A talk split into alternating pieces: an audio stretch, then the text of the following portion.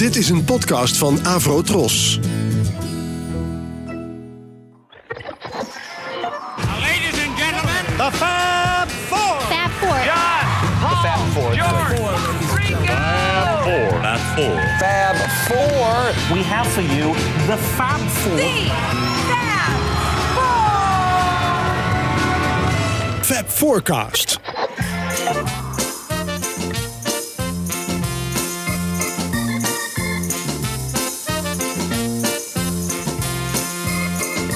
Hey jeugd van Nederland, denk nou niet dat jullie lekkertjes bennen. Als je je eigen in de spiegel ziet, dan moet je toch erkennen. Het zal je kind maar wezen, ja, ja, ja, ja. Het zal je kind maar wezen, ja, ja, ja, ja. Het zal je kind maar wezen, ja, ja, ja, ja. Het zal je kind maar wezen, voor een commune? Wie niet?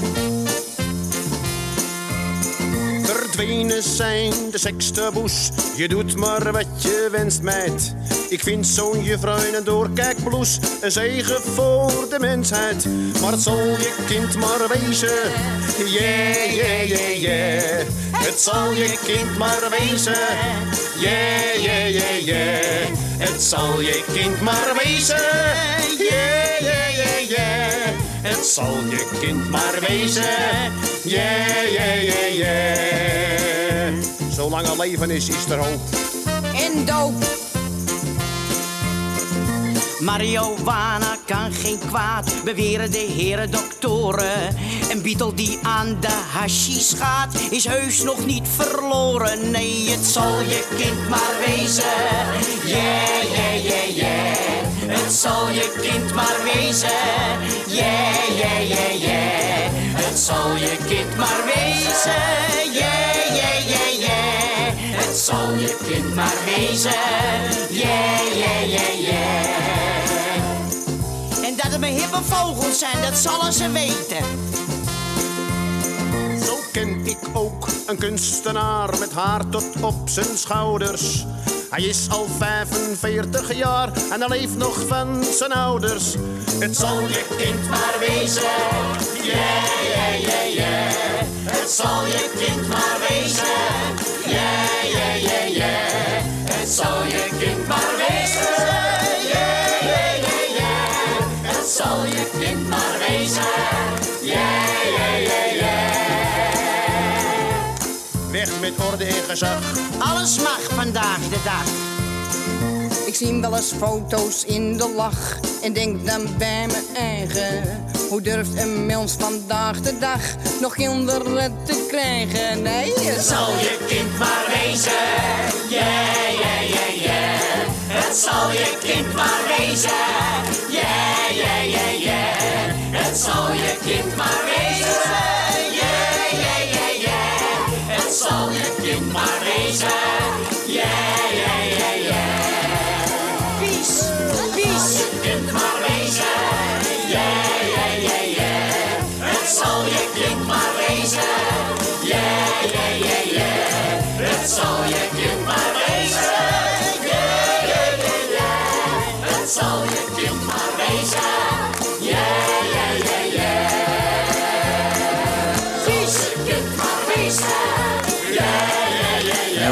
Fade-out. Tja. Ah, daar komt hij. Toen ging het nog zes kan ik halve eindelijk- minuut door. Kan ik eindelijk de tune instarten? hey, daar komt Fab Forecast. Ja, goedemorgen, middag, avond, beste luisteraars. Wat was het een heerlijke opener, zeg. De beste opener die we sinds tijden gehad hebben. Nou, nou. in ieder geval welkom. Eh, Ik ben hier weer in de studio. Eh, Mijn naam is Michiel Tjepkema en ik zit hier met... Jan Kees. En Wibo. Ja, en eh, wat was dit nou voor opener? Wat is, eh, wat, je Het B-woord is gevallen, dus Ja, precies. in ja. die zin is het goed. Ja. Ja. Wie is dit? Wie klinkt hier? Wie stem klinkt hier? Stel je even voor. Eh, ik ben Gijs Groenteman. Ik ben ook maker van een podcast. Ja. En wel eentje over eh, Harry Banning, eh, de componist van het liedje wat, eh, wat jullie allemaal net hoorden. Samen met Eddie Asser, die heeft de tekst geschreven. Harry Banning is de muzikus. Ja, en ik ben al maandenlang eigenlijk mensen aan het interviewen over Harry Banning.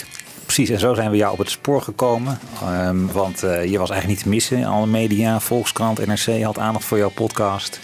En eh, ik eh, ben er zelf naar gaan luisteren. Ik ben er een groot fan van. Ik zal niet mijn bewondering eh, enorm onder stoelen of banken steken. Maar ook weer niet te veel mee gaan dwepen deze uitzending. Om het een beetje, Oh, een beetje, een beetje normaal maar lekker hoor.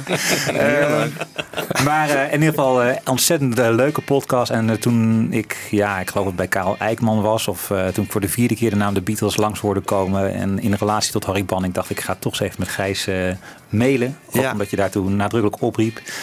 En je uitgenodigd voor deze avond om eh, met elkaar eh, ja, een beetje over Harry Banning te kletsen. Eigenlijk zullen we maar gewoon dat als thema nemen. Lekker kletsen over Harry Banning. Ja, kletsen over Harry Banning. En ik vond het wel ik vond het heel leuk dat je me eh, mailde hierover. Want ik hou heel erg van Harry Banning. Maar ik hou ook heel erg minstens evenveel van de Beatles. En die twee hebben voor mij heel veel met elkaar te maken in mijn leven. En dan niet zozeer omdat Banning nou zo ontzettend beïnvloed is door de Beatles. Want hij was geen gigantische Beatles-fan. Maar hij heeft heel veel pastiches gemaakt in al zijn duizenden liedjes die hij heeft geschreven. En hij heeft ook heus een paar keer de Beatles geciteerd. Maar Banning en de Beatles hebben vooral heel erg voor, eh, met elkaar te maken voor mij omdat ze allebei een oeuvre hebben gemaakt waar ik mijn hele leven me al in aan het verliezen ben. En dat eh, in allebei hun gevallen altijd weer terugkomt bij mij. Dus er zijn altijd fases in mijn leven dat ik naar anderen ga luisteren. Naar Dylan of naar Elton John of naar Fleetwood Mac of naar weet ik veel wie. Nou, ik heb ook een grote Prince-liefde, een grote David Bowie-liefde. Die komen ook altijd terug. Maar toch, de Beatles en ook Banning, gek genoeg. Ook omdat ik alsmaar kinderen blijf maken in mijn leven. Dus dan heeft, heeft het ook zin. Maar het is op een of andere manier werk dat nooit dof wordt, maar altijd meer gaat schijnen of zo. Hoe, Ja. Hoeveel je er ook naar luistert. En dat hebben ze heel erg met elkaar gemeen, omdat er iets interessants is in die, in die melodieën, in die composities. Dat hebben zowel de Beatles als Banning. Ja, waar je maar, waar je maar met open mond naar kan blijven luisteren. En waardoor het nooit echt gaat vervelen. Integendeel, het lijkt me alsof het, het lijkt wel alsof het alsmaar boeiender wordt. En de manier waarop ik Banning ben gaan benaderen, eh, dus wa- waar- waarin ik iets over hem wilde gaan maken, lijkt, eh, is voor mij heel erg geïnspireerd op de vele manieren waarop de Beatles ook zijn bestudeerd door anderen. Dus daar wou ik het ook nog wel graag. Ja. Vond ik ook wel leuk om het over te hebben. Van hoe, hoe ga je zo'n oeuvre eigenlijk bekijken? Hoe, hoe val je het aan? Precies. En ehm, als we het over ehm ehm, Banning hebben, want ik denk dat veel luisteraars, een beetje van onze generatie, zo zeker kennen als de, de hoofdgeitenbreier. De hoofdscheitenbreier van, eh, van eh, de film van Anne Willem. Precies. De man achter de vleugel. Maar de generatie weer van onze ouders, die kennen hem natuurlijk weer van alle musicals. En dan kan je een beetje iets vertellen over Banning, eh, voor zover onze... hij, is uit, hij is uit 1929. Toen is hij geboren. Dat wil ook zeggen, dat, dat, dat verklaart ook misschien waarom hij niet een gigantische Beatles-fan is. Want het is toch iemand die, die al vij- 35 was toen zij door 4, 35 was toen zij doorbraken. Het is echt iemand die is geworteld in de jazz en in de klassieke muziek. Hij is opgeleid als klassiek eh, eh, pianist en als, als, eh, nou, ook als componist, componist van lichte muziek. Was hij fan van iemand? Ehm, nou, hij is gewoon iemand die zijn hele leven Bach heeft gespeeld, bijvoorbeeld. En Chopin en Griek. Maar Bach is natuurlijk een, een heel, heel belangrijk voor hem. Maar ik geloof dat voor iedereen. Ik ben zelf geen muzikant en ik snap ook niet zoveel van muziek, behalve dat ik er heel van hou. Maar iedereen die ja, echt diep in muziek zit, komt uiteindelijk bij Bach uit. Nou, dat is voor Banning zeker ook zo, zoals het voor McCartney ook zo was. En ehm, later in zijn werk is hij, is hij, heeft hij, hij heeft werk gemaakt wat heel erg op dat van Burt Bacharach lijkt bijvoorbeeld. Eh, gaan we zo meteen ook luisteren. Hij heeft ook wel, had ook liefde voor Nielsen, voor Harry Nielsen. Dat, dat, sprak hij ook uit tegen anderen. Dat vond hij echt iets van, nou, dat moet je horen.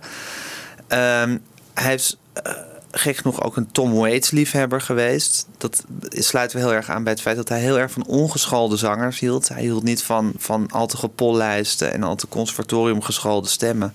En Tom Waits gaf je ook als voorbeeld aan acteurs. Nou, hier moet je naar, zo kan je ook zingen. Ik bedoel, ook als je niet kan zingen, kan je nog zo zingen. Beetje Joost Prinsen.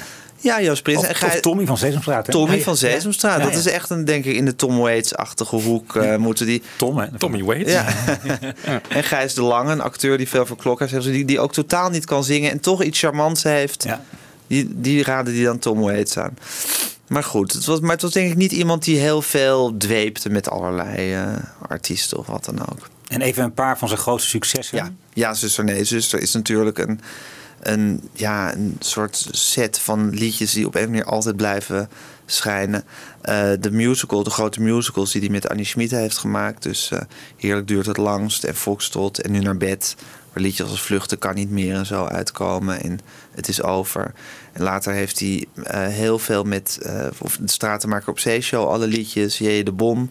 Alle liedjes die uit die hoek kwamen van het schrijverscollectief. Dus al die programma's met Aart Staartjes en Joost Prins en Wiedeke van Dort. Klokhuis heeft hij eh, tot bijna het eind van zijn leven vrijwel alle liedjes voor geschreven. Sesamstraat heeft heel erg veel liedjes voor geschreven. Ja, en ook heel veel voor alle cabaretiers. Voor Adele Bloemendaal, en voor Jasperina de Jong en voor Gerard Cox, noem maar op. Hij schreef voor iedereen. Hij had meer dan drie, tussen 3 en 4000 liedjes eh, staan er bij de Buma van hem ingeschreven. Ik wou me net afvragen van waar komt het getal vandaan? Heel vaak wordt het getal 3000 genoemd. Ja, de Buma, hè? Ja. dat is toch allemaal keurig Die moet, allemaal, dat moet toch Ja. geadministreerd worden. Ja. Want ik moest even, ik keek in het boek van Luca Parassi toevallig deze week. Eh, Dat boek heeft een soort biografie van alle liedjes van McCartney geschreven. En die komt dan op een getal van 385 liedjes van McCartney. Solo, denk ik. Ik bedoel dan even... Ja, de schaal, hè? Eh, Nee, Bijna. maar tienvoudige. Ja. Nou, volgens mij noemt hij een getal van rond de 400. Oké. Ja, ja. Dus Bannik Eh, dan dan tien heb keer ik even zoveel. Over Ja. officieel uitgebracht materiaal van McCartney. Hè? Ja. Een, eh, Exclusief Beatles. ja. Ja. ja, dus dat komt er dan nog bij. Maar ja, ja die- hoe die Banning dat heeft gepresteerd, ik weet het ook niet. En er zitten, het zijn heus niet allemaal meesterwerken hoor. Maar er zitten ook wel gewoon liedjes bij. Nou, ik vind ze eigenlijk nooit, wat, wat, wat- ik ben tegengekomen, ik vind het bijna nooit slecht. Het is soms gedateerd, het is soms stuttig. Maar het is ook heel erg vaak dat mijn mond weer openvalt van verbazing. Ja. Van hoe verschrikkelijk goed het is. En altijd alleen maar de, eh, de muziek. Alleen maar de muziek. Hij heeft geen tekst geschreven in zijn leven. En hij was volstrekt dienend aan de tekst. Hij noemde zichzelf ook een toonzetter.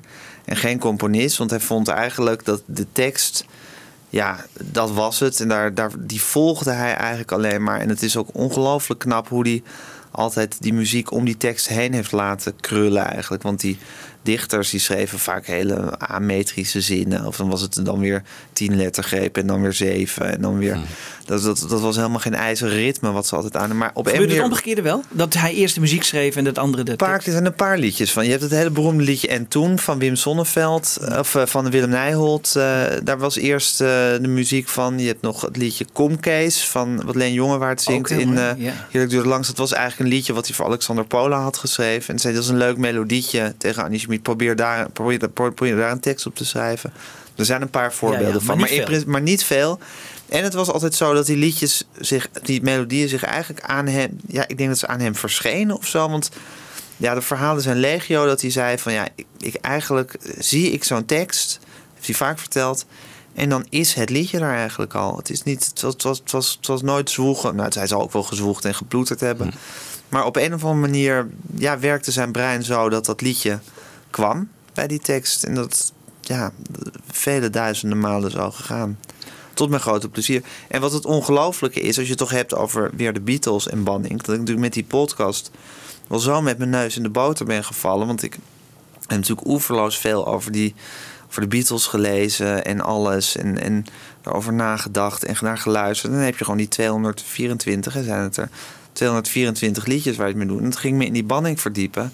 Ja, en uit alle hoeken en gaten blijven die liedjes maar komen. Ik vind steeds weer nieuwe. En ja, het is alsof er een soort, soort, soort, soort berg geniaal materiaal maar een beetje ligt te verstoffen.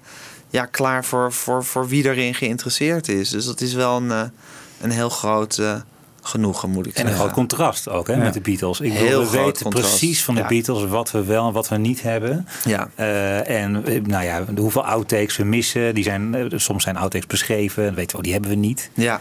Maar bij Bannik zijn soms de liedjes zelfs nog niet eens Bij. Banning zijn heel veel liedjes gewoon nou, on- onvindbaar. Of ze zitten misschien bij beeld en geluid ergens op een uitzendband.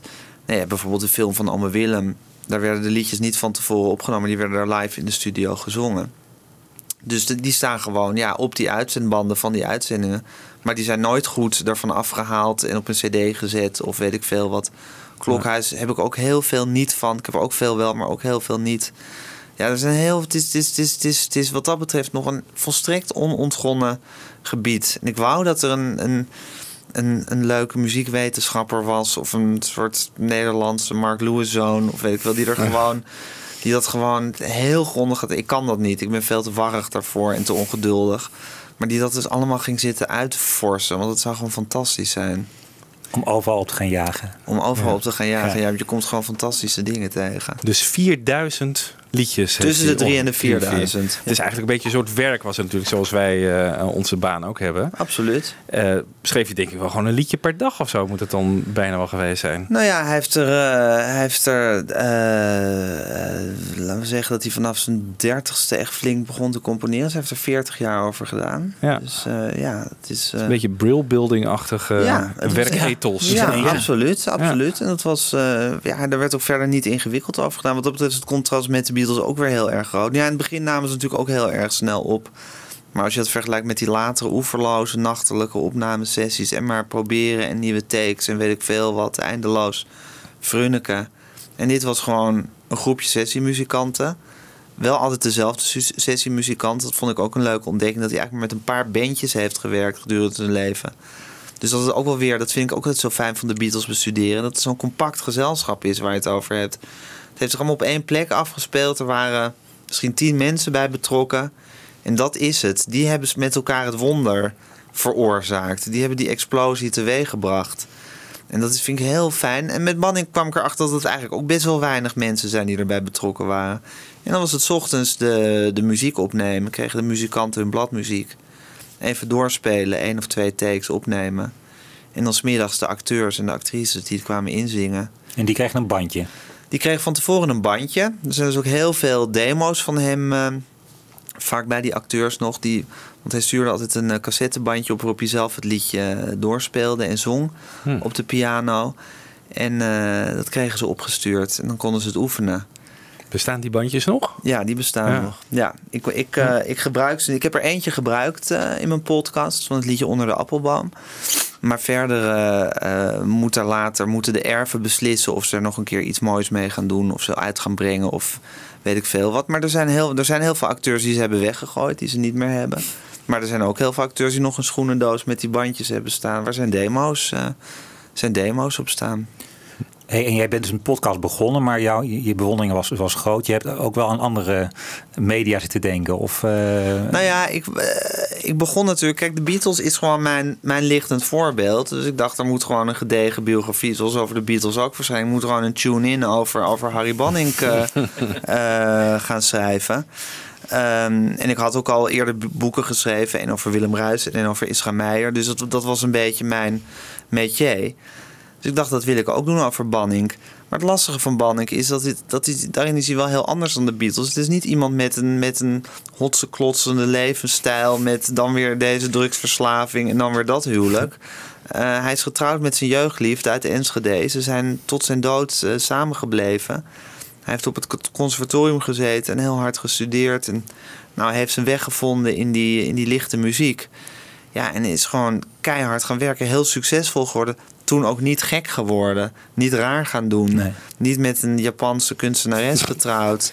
maar gewoon, ja, braaf bij, lief bij Jenny gebleven. In een mooi huis in Bos en Duin gaan wonen. Door blijven componeren. Totdat hij definitief besloot te stoppen met werken. Heeft zijn laatste liedje opgenomen. En is de week daarna overleden in zijn slaap. Wat tragisch is. zijn hele leven valt eigenlijk mooi. samen met zijn oeuvre. Ja, ja hij, was, hij was zijn liedjes op een of andere manier, denk ik. Maar heeft dat op een volstrekt rimpeloze en, en ja, spanningsloze wil ik niet zeggen. Want in creativiteit zit natuurlijk spanning, maar, maar zonder gedoe, zonder narigheid, zonder weet ik veel. Wat, wat, wat fantastisch is en waar ik hem alleen maar om kan bewonderen.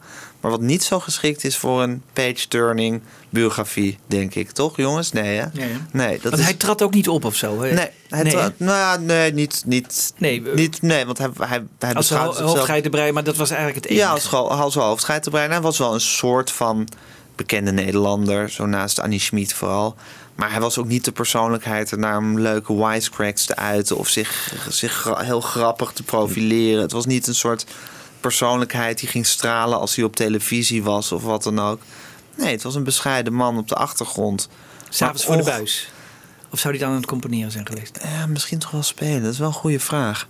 Geen idee. Dat ga ik nog eens vragen als ik zijn dochter weer eens spreek. Of je s'avonds voor de buis zat, zat te componeren. Misschien zat te lezen. Hij las ook veel. Hij was gek op wielrennen en voetbal. Dus dat zal hij ook veel gekeken hebben. Oh ja. een heel bewonderenswaardig kalm leven en, en dat talent op een geweldige manier uitgebouwd. En ook precies in de goede tijd geleefd voor dat talent. Want dat is wat, ik- wat ik met de Beatles ook vaak denk. En met Banning ook, hoe belangrijk het is dat je in je tijd leeft. Dat je op het moment leeft dat er bijvoorbeeld in zijn geval voor tv heel veel gecomponeerd nog Ja. kon worden. En dat er ruimte voor was. En dat er ook de vrijheid was en niet al te... Bijvoorbeeld voor Klokhuis heeft hij liedjes geschreven. Ja, dat is, dat is poëzie en dat is ingewikkeld. En ik bedoel, de teksten ook, maar ook de muziek gaat vaak ver. En dan denk je, ja, dit is toch geen kind. Dit heeft niks meer met een kinderliedje te maken. Maar ja, ze hadden zo hun speeltuin bij de televisie. Ze kregen daar allemaal goed voor betaald. En niemand lette daar altijd erg op. Wat misschien niet goed is, maar wat ook weer wel heel goed is. Want het heeft daardoor kunnen ontstaan, dat werk. Hey, laten we even een paar Ja. fragmenten, want we hebben een paar fragmenten. We moeten toch een beetje bij de. Beatles blijven ook, hè? Precies, daar wou ik net naar terug gaan. Ehm, ja, zussen. Nou, eerst even waar, waar, wat, we hebben net, wat we net hebben gehoord. Hè? Dat is, het zal je kind maar weten. Ja, dat is het zal je kind maar wezen. Van Eli Asser, de tekst uit, eh, uit Het Schaap met de Vijf Poten. Kijk, dat is ook leuk. Banning zijn, zijn grote hitgevoelige periode valt eigenlijk samen met de tijd dat de Beatles hebben bestaan. Dus laten we zeggen tussen 1963 en 70 was Banning on fire. Toen heeft hij eigenlijk al zijn grote hits geschreven. Ik heb ooit Willem van Koten geïnterviewd, de oude DJ en platenbaas. Die zei, elke artiest, als hij groot is, kan tien jaar lang hits produceren en daarna is het afgelopen.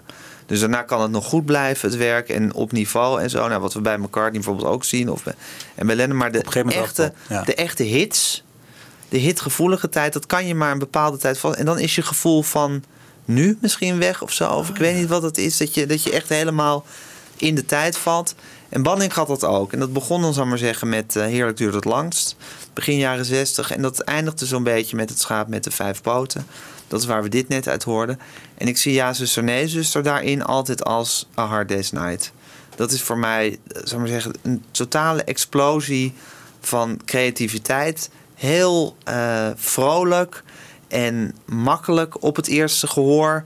En aangenaam en, en energiek. Nou, zoals A Hard Day's Night dat ook voor de Beatles is. Dat ze helemaal ineens, ineens in, hun, in hun plek vallen. plek en, gewoon, ja. en gewoon exploderen eigenlijk. En dat hadden Schmid en Banning volgens mij met Ja, zuster, nee, zuster. Het was Wat een ik- soort musical op televisie. het was een kinderprogramma. Het waren het zijn twintig afleveringen geweest. eh, waarin in elke aflevering drie liedjes zaten. Het begon als een klein experimentje voor Annie Schmid om te leren om plots te schrijven. Want dat kon ze niet zo goed. En ze moest een toneelstuk schrijven. Zoals nou, er- je kan nog, er is een tijdslot voor een kinderprogramma. Dan kan je, dan kan je tien plotjes schrijven. Ja, en dat werd een gigantisch succes. Mede door die liedjes die ook allemaal in de hitparade kwamen. En die ja, nog steeds zo fris zijn en zo.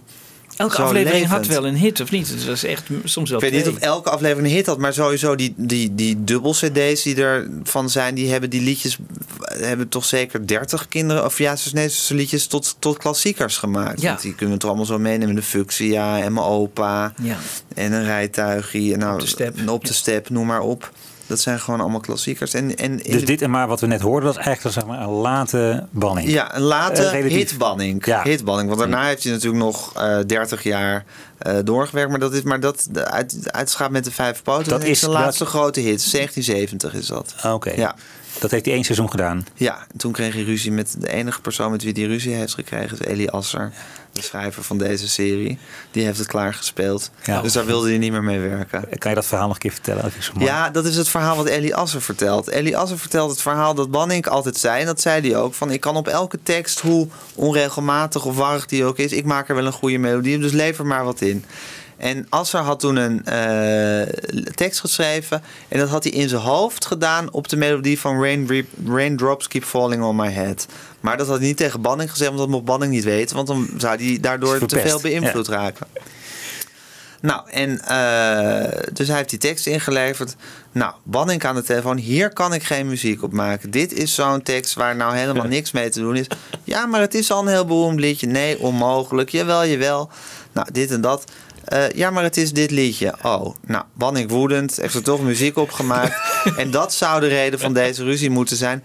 Eerlijk gezegd vraag ik me af of dit niet een bekende druppel zal zijn geweest op een emmer die al redelijk vol was. Ja, en die emmer zat ook al vol, want dat is ook een van de verhalen die in jouw podcast aan de, aan de orde komt. Omdat eh Eli Asser kennelijk een keer een stuk tekst gaf en, zei- en opschreef van, en nou Ja. nog zo'n kraker. Precies. Eliasser zei van, en nu weer een hit. En daar kon Banning dus helemaal niet tegen. Nee. Want dat was het verhaal wat ik inderdaad al kende. Dat vertelde Joost Prinsen. Dat dat de reden was dat hij zei. En nu werk ik nooit meer voor hem. Ja. En weer een kraker, ja. Maar dat wordt dan weer ont- ontkend door Eli Asser. Nou, ja, goed, dat, zijn allemaal eh, van die ja. dingen. Maar ja, ook dat is ook allemaal mythologie. Net als er over de Beatles duizend verhalen Zeker. bestaan. Dat is ook zo heerlijk. En dat vind ik ook goed met die, met die interviews. De een vertelt dit en de ander vertelt dat. En het kan me eigenlijk niet eens zoveel schelen wat Nee. nou de waarheid is. Het is ook zo heerlijk dat die verhalen gewoon ontstaan. Misschien kun je toch een heel kort boekje erover schrijven. Want dit is een wel... eh, Ja, misschien moet ik nu ook wel een klein boekje over denken. Ik kijk wel wat ik ga doen. Wat ik, voor, wat ik voor jullie kan betekenen. Maar het is een ongelooflijk onderwerp. En het is zo heerlijk dat ik gewoon mijn eigen, mijn eigen Beatles heb gevonden nu. Als, als onderwerp om me gewoon in te verdiepen. En om in, in te graven. En om die verhalen op te duikelen. Ja. Ik bedoel, al die boeken die ik heb gelezen en waar ik zo van hou. En nu doe ik zelf ook zoiets op een ander niveau. Een ander, ander, maar het is, Nou, het spreekt groot allemaal publiek aan. Ja, Ja. een onontgonnen terrein natuurlijk. een onontgonnen Ja, dat- ja. terrein. En Ja. ja. jullie weten hoe heerlijk het is om je in zoiets te verdiepen. Ja. En dat is, eh, ja. dus ik geniet daar enorm van. Hey, en als we nou naar ehm, een Beatles stelverwijzing, een van de grote stelverwijzingen naar de Beatles, al wel een van de meest bekende, die, die komt uit uh, Ja, zus en hè? Ja, zullen we die eerst even draaien? Is en dan, Even kijken, dan doen we, dat is... eh, nou, weet je, dan lees ik eerst, want ik heb een citaatje van. Ik ben altijd op zoek. Kijk, Banning werd ook bijna nooit goed geïnterviewd. Dus het ging altijd van over hoe vaak ga je het eten met Annie Schmid. En, eh, en hoe lang doe je over een liedje. Maar nooit lekker over de muziek zelf, weet je wel.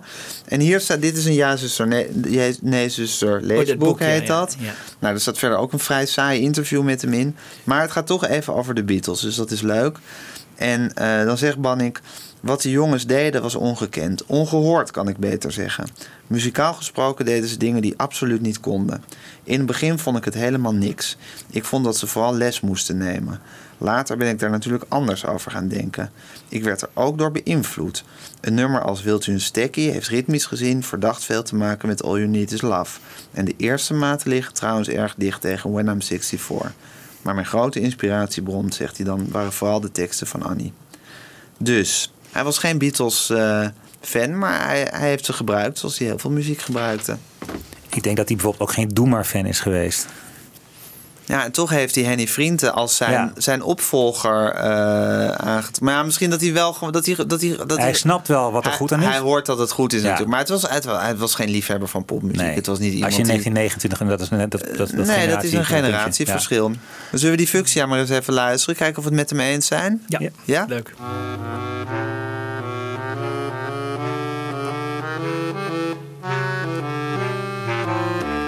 Wil u een stekkie, een stekkie, een stekkie? Wil een stekkie van de fuchsia? Heb u een plekje, een plekje, een plekje? Heb u een plekje voor de fuchsia? Het is een makkelijke plant. Hij eet als het uit de hand. Een beetje mest, een beetje zon. Hij doet het best op het balkon. Ik geef een stekkie, een stekkie, een stekkie. En als ik s'avonds op visite ga, dan breng ik overal geluk. Ik geef een stekkie van de fuck, ik geef een stekkie van de fuchsia. Van de fuck, fuck, fuchsia.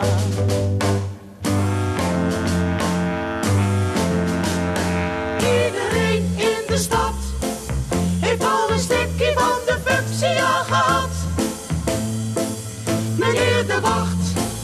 op nummer 8 heeft al 23 stekkies grootgebracht. Wil u een stekkie, een stekkie, een stekkie? Wil u een stekkie van de fuchsia? Heb u een plekje, een plekje, een plekje? Heb u een plekje voor de fuchsia? Het is een makkelijke plant. Hij eet als het ware uit de hand. Een beetje mest, een beetje zon. Hij doet het best op het balkon. Ik geef een stekkie, een stekkie, een stekkie. En als ik s'avonds op visite ga, Dan breng ik overal geluk. Ik geef een stekkie van de fuck. Ik geef een stekkie van de fuchsia. Van de fuck, fuck, fuchsia.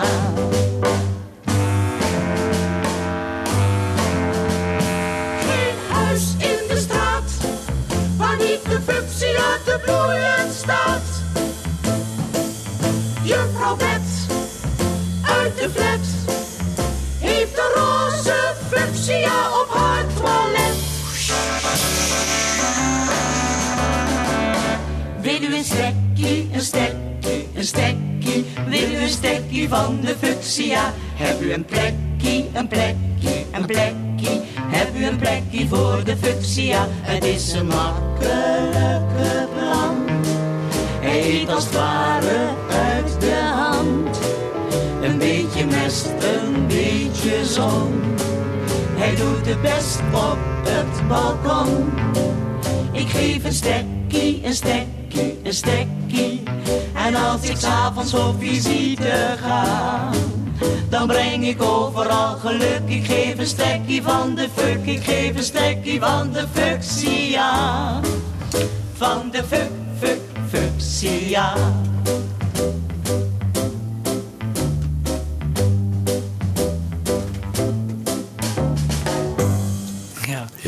Er is iets met dat fuck fuchsia, hè? want er was een Engels sprekende acteur, geloof ik, en die moest dat ook inzingen. Ja. En, en die, die lag dubbel, geloof ik. Hè? Want, Ik, dat verhaal ken ik niet, maar oh ja, vertel het me. ja, nou, de, de, een dat van was Barry Stevens. Barry Stevens, ja. En die, eh, Ja, maar dat is wel ook deel van de Banning-mythologie. Van wie heeft die grap, wie heeft deze toch wat schuine grap verzonnen? Eh, was het Annie Schmid of was het Harry Banning die er fuck, fuck, van? Wat ik heb begrepen is het Banning geweest die die herhaling erin heeft gebracht. Ah. Ja. Oh ja. Maar ik weet, ik moet Barry, Barry Stevens ook nog interviewen. Ja. Dus Ja. eh, ik zal het hem vragen. Ja. Misschien weet hij het. Ja, want die schijnt dubbel te hebben gelegen bij de opname. Dat zal want, eh, ongetwijfeld. Ja, want die kon natuurlijk... eh, Ja. En die anderen begrepen de... eh, De verwijzing niet. Had, had Banning nou ook een, een George Martin, een, een, een, Nou ja, dat is producer? George Martin is natuurlijk heel erg de figuur die, die heel erg. Bedoel, hij was natuurlijk. Hij, was, hij is eigenlijk een soort, soort kind van Paul McCartney en George Martin. Het is een, hij is natuurlijk een George Martin. Ik bedoel, dat, dat is zijn persoonlijkheid, zijn klassieke scholing. Zijn, Hij bepaalde ook het arrangement ongeveer en welke instrumenten er ja, hij gebruikt arrangeerde, werden. in deze tijd arrangeerde hij nog zelf. Later heeft hij dat wel uit handen gegeven, want hij was er zelf niet dol op. Maar hij was, ik denk dat hij wel degelijk heel goed dan mensen koos waarvan hij wist, die doen zoals ik het wil. En dat hij het daar ook wel over had. Hij was ook arrangeur in principe. En hij is natuurlijk heel erg een George Martin-achtige persoonlijkheid. Gewoon iemand die zo'n rustige, klassiek geschoolde man die in de lichte muziek is terechtgekomen. En daar zijn muzikaliteit. eh, Maar eh, bepaalde hij nou bij de mixage ook, nou, die, die piano kan wel iets meer galm krijgen, eh, die stemmen moeten iets nou, dat harder. weet ik eigenlijk niet. Dat ben ik eigenlijk wel. Wie, Ja. wie, wie dat dan deed, Nou, hè? hij, kijk, hij nam altijd op. Dit, dit nam hij op in de fonogramstudio's volgens mij met Gerrit en Braber. Die was de producer bij, eigenlijk de producer bij. Ja, zuster, ja, nee. zuster, nee, zuster. Maar wie dan de uiteindelijke mix deed. Of er nog een soort, een soort eindmix was. Of dat het eigenlijk gewoon ter plekke zo werd opgenomen. Dat weet ik gewoon niet. Nee. Het probleem is, er zijn niet zoveel mensen meer die daarbij waren. Ja. Die dat kunnen. Dat zou ik eigenlijk toch nog eens uit moeten zoeken. En zouden ze dan een monomix maken voor de, voor de televisieuitzending? Ja, en een en stereo, mix voor de. Ja, dat, Ja. dat zijn hele goede vragen. en dat weet ik gewoon niet. Dat Nee, weet nee. ik gewoon niet. En daar zijn denk ik ook geen logboeken van bijgehouden. In ieder geval niet die nog er zijn. Maar misschien stuit ik daar toch op op een gegeven moment. Maar ja, het is natuurlijk niet. Het werd, het werd niet met. Het, het klinkt goed. Ja, het klinkt is- ontzettend heel- goed. Het is Het klinkt heel goed. opgenomen. Ja, maar die ja. Gerrit en Braber was natuurlijk wel een handig type. Ja, ja. En die nam ook nummer, veel. dat, dat, dat basje, wat even lekker Ja. prominent naar voren Ja. komt. Ja, precies. Pet Sounds, eh, Ja. basje. Ja. ja. Ja. Ja. nee, het is echt. Het, het- Ja. die- Klinkt die- geweldig. Het klinkt altijd goed. Dus wat dat betreft, en dat is ook in Bannings zijn hele carrière, die nummers zijn eigenlijk altijd goed opgenomen. Dus daar moet hij, daar moet hij ook een, een, een, hand in hebben gehad, want dat is een constante. Ja. Maar wie daarover ging, dat weet ik dus niet. Maar ja, dat is dus allemaal onontgrond. Maar zal ik even een, een liedje laten horen... waarin hij mij zo ontzettend aan George Martin doet denken qua Ja. arrangementen. Dat is de Truttenjas. Een favoriet liedje van mij. Vind je ook mooi, hè, Michiel? Ja. Ja, dat is, daar heeft hij zo'n ontzettend mooi strijkersarrangement. Ja, daar, daar steekt hij George Martin nou niet naar de kroon. Maar goed, daar Ja, benadert hij hem in de, de subtiliteit waarmee hij die strijkers arrangeert. Wat leuk.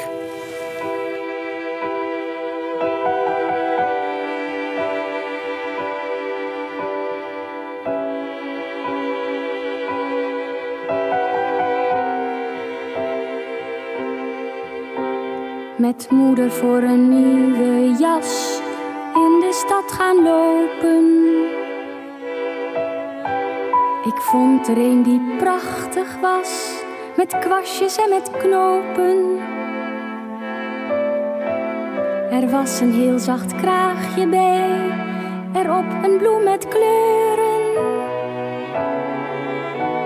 Maar was het wel iets voor mij? Wat zal er gaan gebeuren?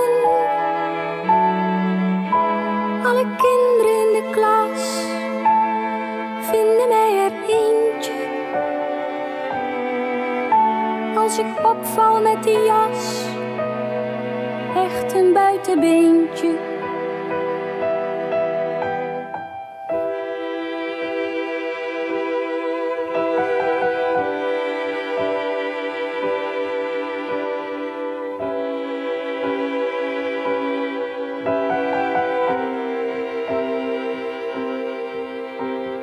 Ik wil niet eenzaam en apart, bij de klas wil ik horen.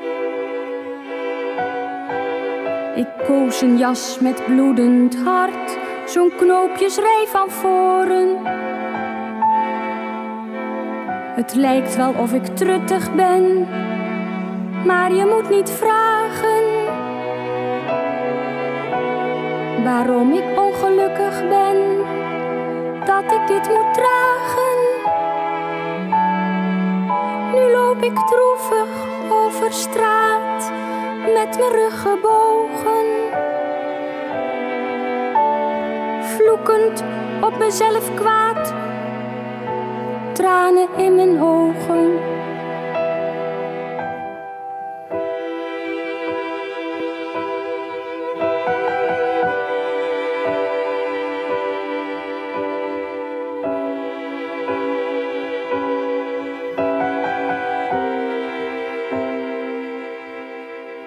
Schitterend. Dat is toch ongelooflijk, Ongelooflijk subtiel mooi. en prachtig. Ja. Ongelooflijk. Ja.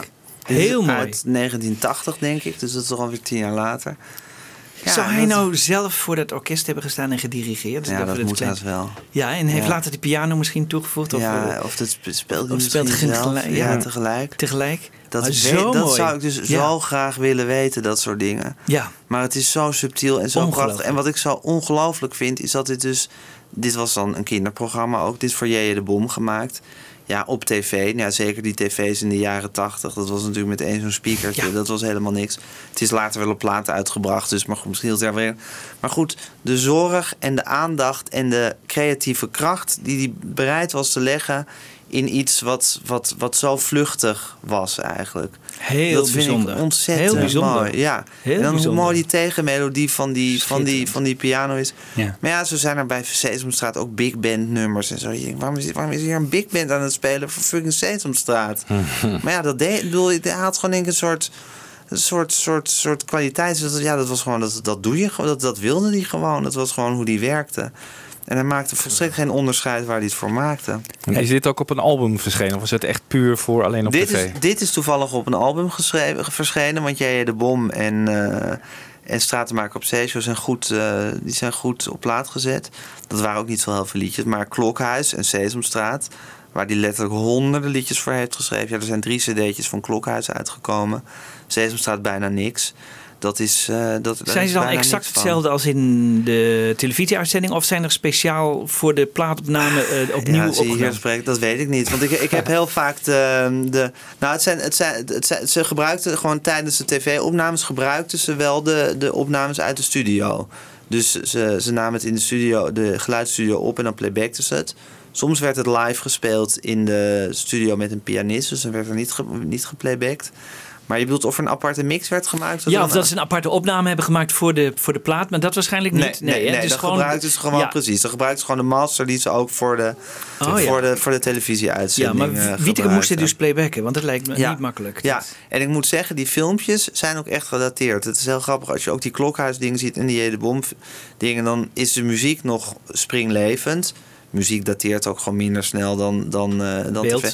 Maar beeld, die filmpjes, denk je, dat is echt tuttig zeg. Ja. Ook dingen van 20 jaar, nog niet eens wel heel erg lang geleden. Maar dat is dan echt traag en sloom. En dat je denkt, kom op mensen verzinnen. Je hoeft hele tijd een acteur in de studio te zien. Heel onhandig te zien playbacken. Maar het is sowieso Heel al verouderd. opmerkelijk dat er zoveel tijd was voor muziek in die kinderprogramma's. Dat is natuurlijk het ongelooflijke. Dat is, dat is heel bijzonder. Dat muziek nog niet per se als een zetmoment werd Ja. gezien, maar iets als waar je zorg en aandacht aan moest Zeker, geven. Ja.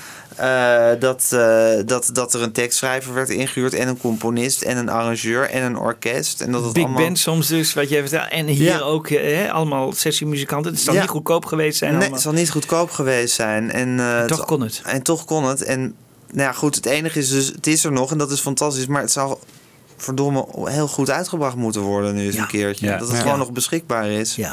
Ik denk dat je Jan Kees eh, wel kunt inhuren voor, eh, als archivaris. Die Ja. duikt zo voor jou de beeld en geluid in hoor.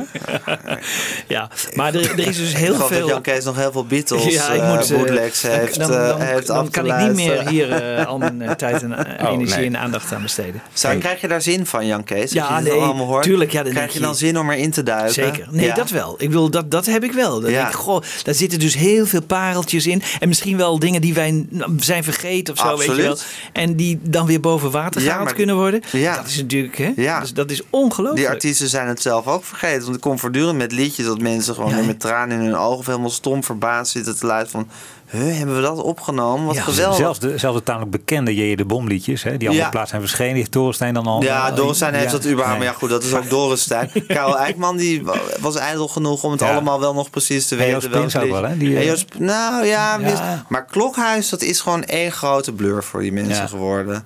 Dat is, gewoon, eh, dat is gewoon weg. In die zin een beetje ondankbaar werk ook componeren voor tv. Hè? Als je het over die vluchtigheid Ja, hebt. maar in die zin vind ik het dus ook zo ongelooflijk dat hij dat altijd met zoveel toewijding is blijven doen. Ja. En moet het dus een hele grote innerlijke motor bij hem zijn geweest. Een innerlijke drijfveer om zo goed mogelijk te zijn. Om altijd tot het hoogste te gaan. Ja, in die podcast, in dat interview met Henny, gebruik, gebruik ik ook een interviewfragmentje. Dan wordt hij geïnterviewd door een radio-interviewster. En dan legt hij uit hoe hij een bepaald liedje voor Sesamstraat componeert. En zegt hij van ja, en dan doe ik daar toch net even wat anders. Want het mag ge- geen weggooimelodietje, dat mag niet zijn, zegt hij dan. Van heel Enschede's. Nee, dat mag niet zijn. Dus het is echt, hij had gewoon voor zichzelf een soort standaard het moet gewoon goed zijn. Het Hoe moet, zit het, bij jou dan? hebben. Hoe zit het bij jou dan? Jij schrijft ook voor de Vara-gids. Ja, Dat is zeker. natuurlijk ook heel vluchtig medium. Dat is na een week. Bij mij mag alles rommel zijn. Als Ja, maar die betalen, hoge- vind ik het prima. Precies, dus jij hebt niet diezelfde hoge standaard die Nee. het altijd moet hebben. Nee, maar ik vind wat dat betreft. Nee, nee ik, ik, zie, ik zie mijn eigen werk. Ik, vind, ik kijk er met grote bewondering naar als mensen. Nou ja, goed, het is ook gewoon. Ik bedoel, natuurlijk iedereen. En wij ook, zoals we hier allemaal zitten. Als je werkt, doe je gewoon het beste wat je, wat je, wat je in je hebt. Ik bedoel, en soms. En dan heb je een topdag en dan gaat het wat minder. Maar ik bedoel, we gaan er allemaal niet met de pet naar gooien.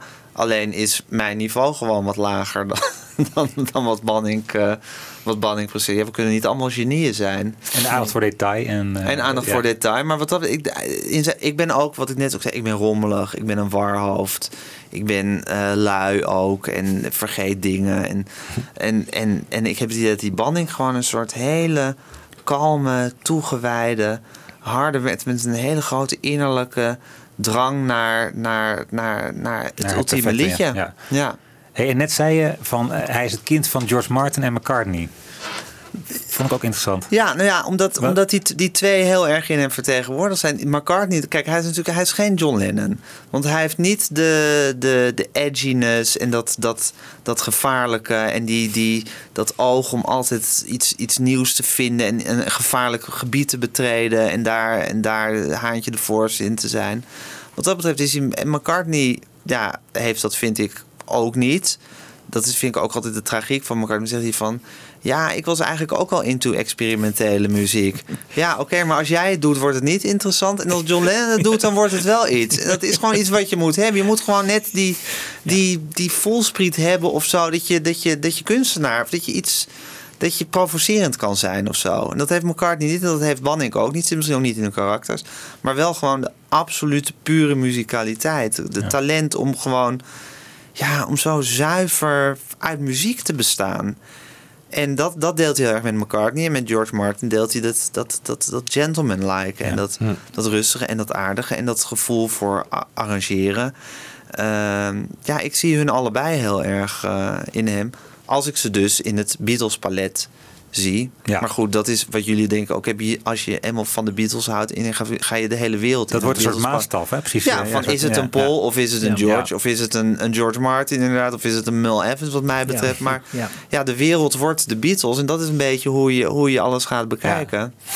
En, en Banning, was die voornamelijk piano of speelde hij ook wel eens op een orgel of op een Ja, hij speelde ook een- wel op een. Hij had een Fender Rhodes, zat hij thuis. En Oh. nam hij ook wel eens die bandjes op op. En je hoort zoals in dat. eh, eh, hoe heet het? eh Schaap met de vijf poten hoor je dat orgeltje heel veel terugkomen. Dus Oh, ja. dat speelde hij ook wel. En hij heeft later ook wel, ook wel synthesizers gebruikt. Niet te veel. Het was een pianist. Het was niet dat hij ook nog basgitaar speelde of gitaar. Nee. Het was gewoon een, een Ja. pianist. En later ook trouwens lang niet altijd meer zelf. Op een gegeven moment heeft hij ook gewoon een sessie... als voor de piano ook een sessiemuzikant ingehuurd. Zodat hij gewoon in de, achter de knoppen het allemaal een beetje kon overzien. En hij werkte dus met een aantal mensen samen, maar schreef hij dat dan ook uit voor die anderen? Dus dat kon hij wel. Hij kon wel een basarrangement uitschrijven of zo. Of ja, een- het was een, hij was een arrangeur ook, dus dat, eh, Oh, dus ja. dat kon hij zeker. Ja. En eh, ik heb het gevoel dat zijn, dat, zijn, dat zijn arrangementen later spaarzamer werden. Dat het dan toch meer gewoon een akkoordenschema was. En dat die, dat die muzikanten dan ook wel wisten wat ze wat wilden. Van moet het een reggae worden of moet het een tango worden. Hij heeft bizar veel tango's geschreven.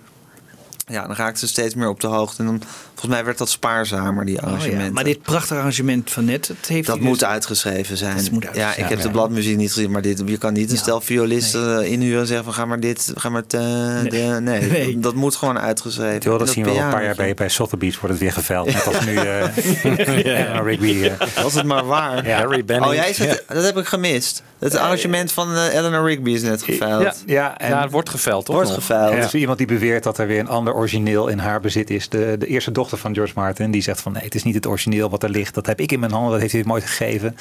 En eh, nou goed. Eh, maar ik wou het even, nog even over een ander puntje hebben waar we het net over hadden. Van de Beatles worden zeg maar de maat der dingen. Zeg maar, als we, Ja. Daar zet je alles tegen af. En heel interessant vond ik, dat gaan we nu even luisteren. Een eh, interview dat jij had met Karel Eijkman. Waar hij Ja. eigenlijk hetzelfde doet. Ja, dat doet hij hetzelfde inderdaad. Eerst even ter introductie. Het gaat over het schrijverscollectief. Ja, het schrijverscollectief, dat waren eh, denk ik in totaal vijf, zes schrijvers, mannen allemaal. eh, die eigenlijk bij elkaar gezet waren, een beetje onder de paraplu van Aart Staartjes, die de eindredacteur was van, eh, van, van veel van die kinderprogramma's van de VARA. En ze waren een beetje bij elkaar geschald ja, om, om, om en liedjes voor kinderen, maar ook wel voor volwassenen, maar dat werd later eigenlijk voornamelijk kinderen te schrijven. En dan had je Willem Wilmink, Hans Dorenstein en Karel Eijkman waren de, de drie die de liedjes schreven. Voornamelijk vrijwel alle liedjes. Ja, en dat was natuurlijk ook een wisselwerking tussen die mannen. Dat waren allemaal persoonlijkheden. eh, met veel inname ook van drank en eh, veel gedoe met vrouwen en toestanden.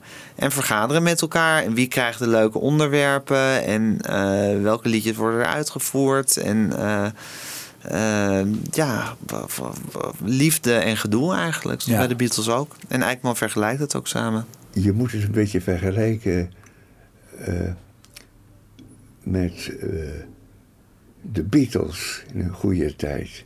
Natuurlijk willen we de een beter zijn. Of we wilden de nummer één zijn, maar we wisten allemaal van tevoren. En Willem is het toch altijd de. de eh, Willem was maar John Lennon.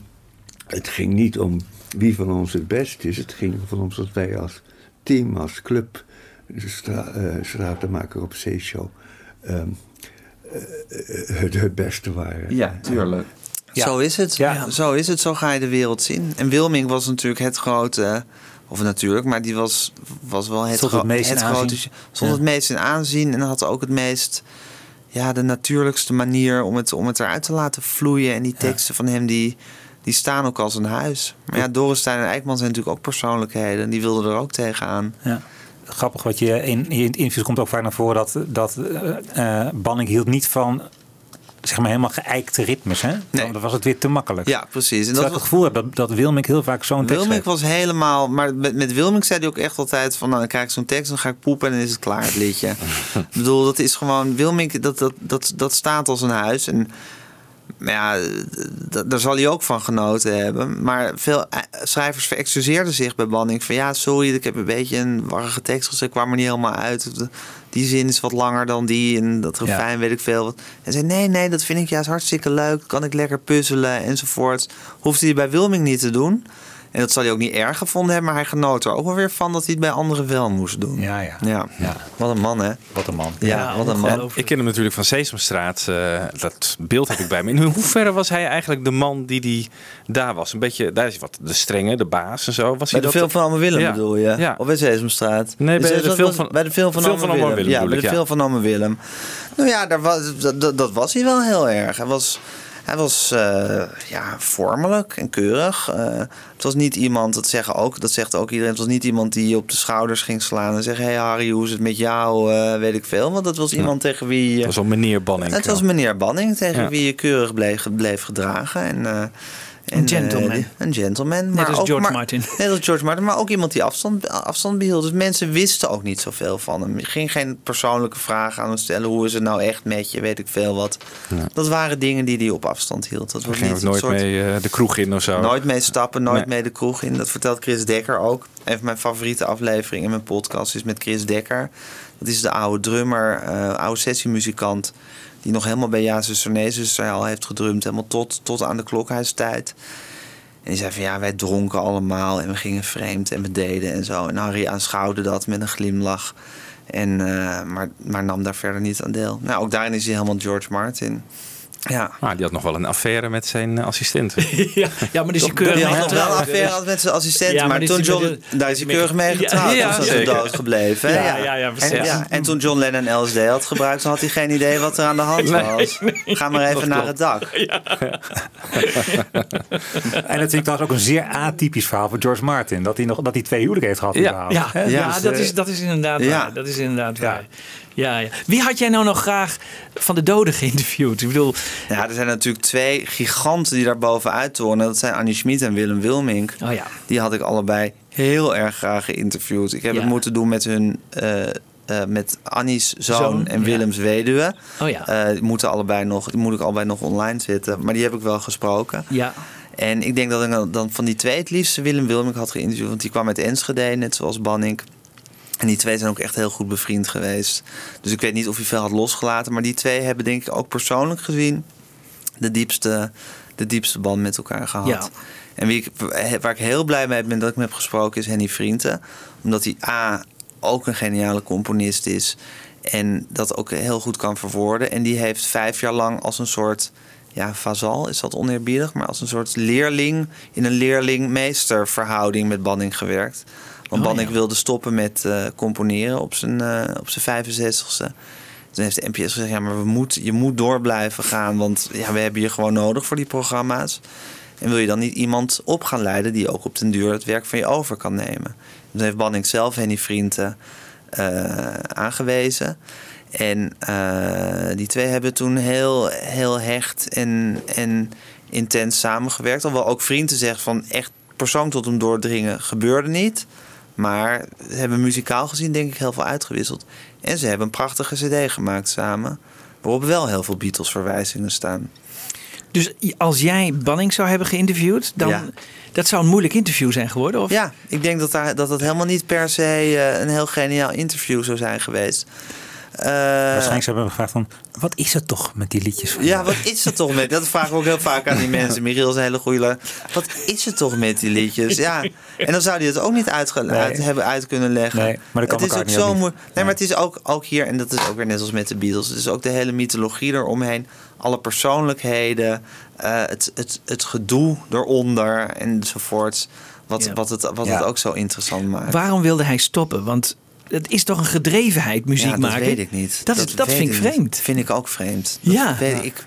Ik, ik weet niet of dat, of dat een diepe innerlijke behoefte is geweest. Of dat het zijn vrouw misschien is geweest. Die heeft gezegd: Harry, we moeten ook naar Italië gaan om reizen te maken. Want dat was geloof ik het plan. Ja. Eh, maar dan had hij nog na die reizen weer eh, eh, verminderd Ja, kunnen ik componeren. weet het niet. Ik Nee, weet hè? het niet. Nee, nee, ik vind het heel, heel intrigerend en puzzeling ook. Hoe noem je dat? Ja. Ik verbaas me daarover.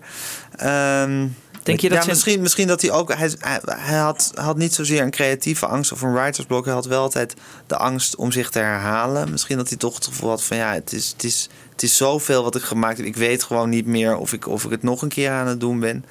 Ja, aan de andere kant, zelfs het allerlaatste liedje wat hij gecomponeerd heeft... is nog zo mooi en zo fris. En dat was ook net elke weer een ander punt. Weer als je het vergelijkt met de Beatles, zeg maar. eh, Ja. Dan eh, ja, komt er een moment dat zo'n artiest... op een gegeven moment is het op. Hè? De Ja. koek is op. De Ja. melodieën worden toch wat fletser, wat minder interessant. Eh, volgens mij zegt McCartney zelf ergens zeg maar, rond de 89 in een persconferentie van... ja, My Brave Face is geen Hey Jude. Hè? Laten we Nee. eerlijk zijn.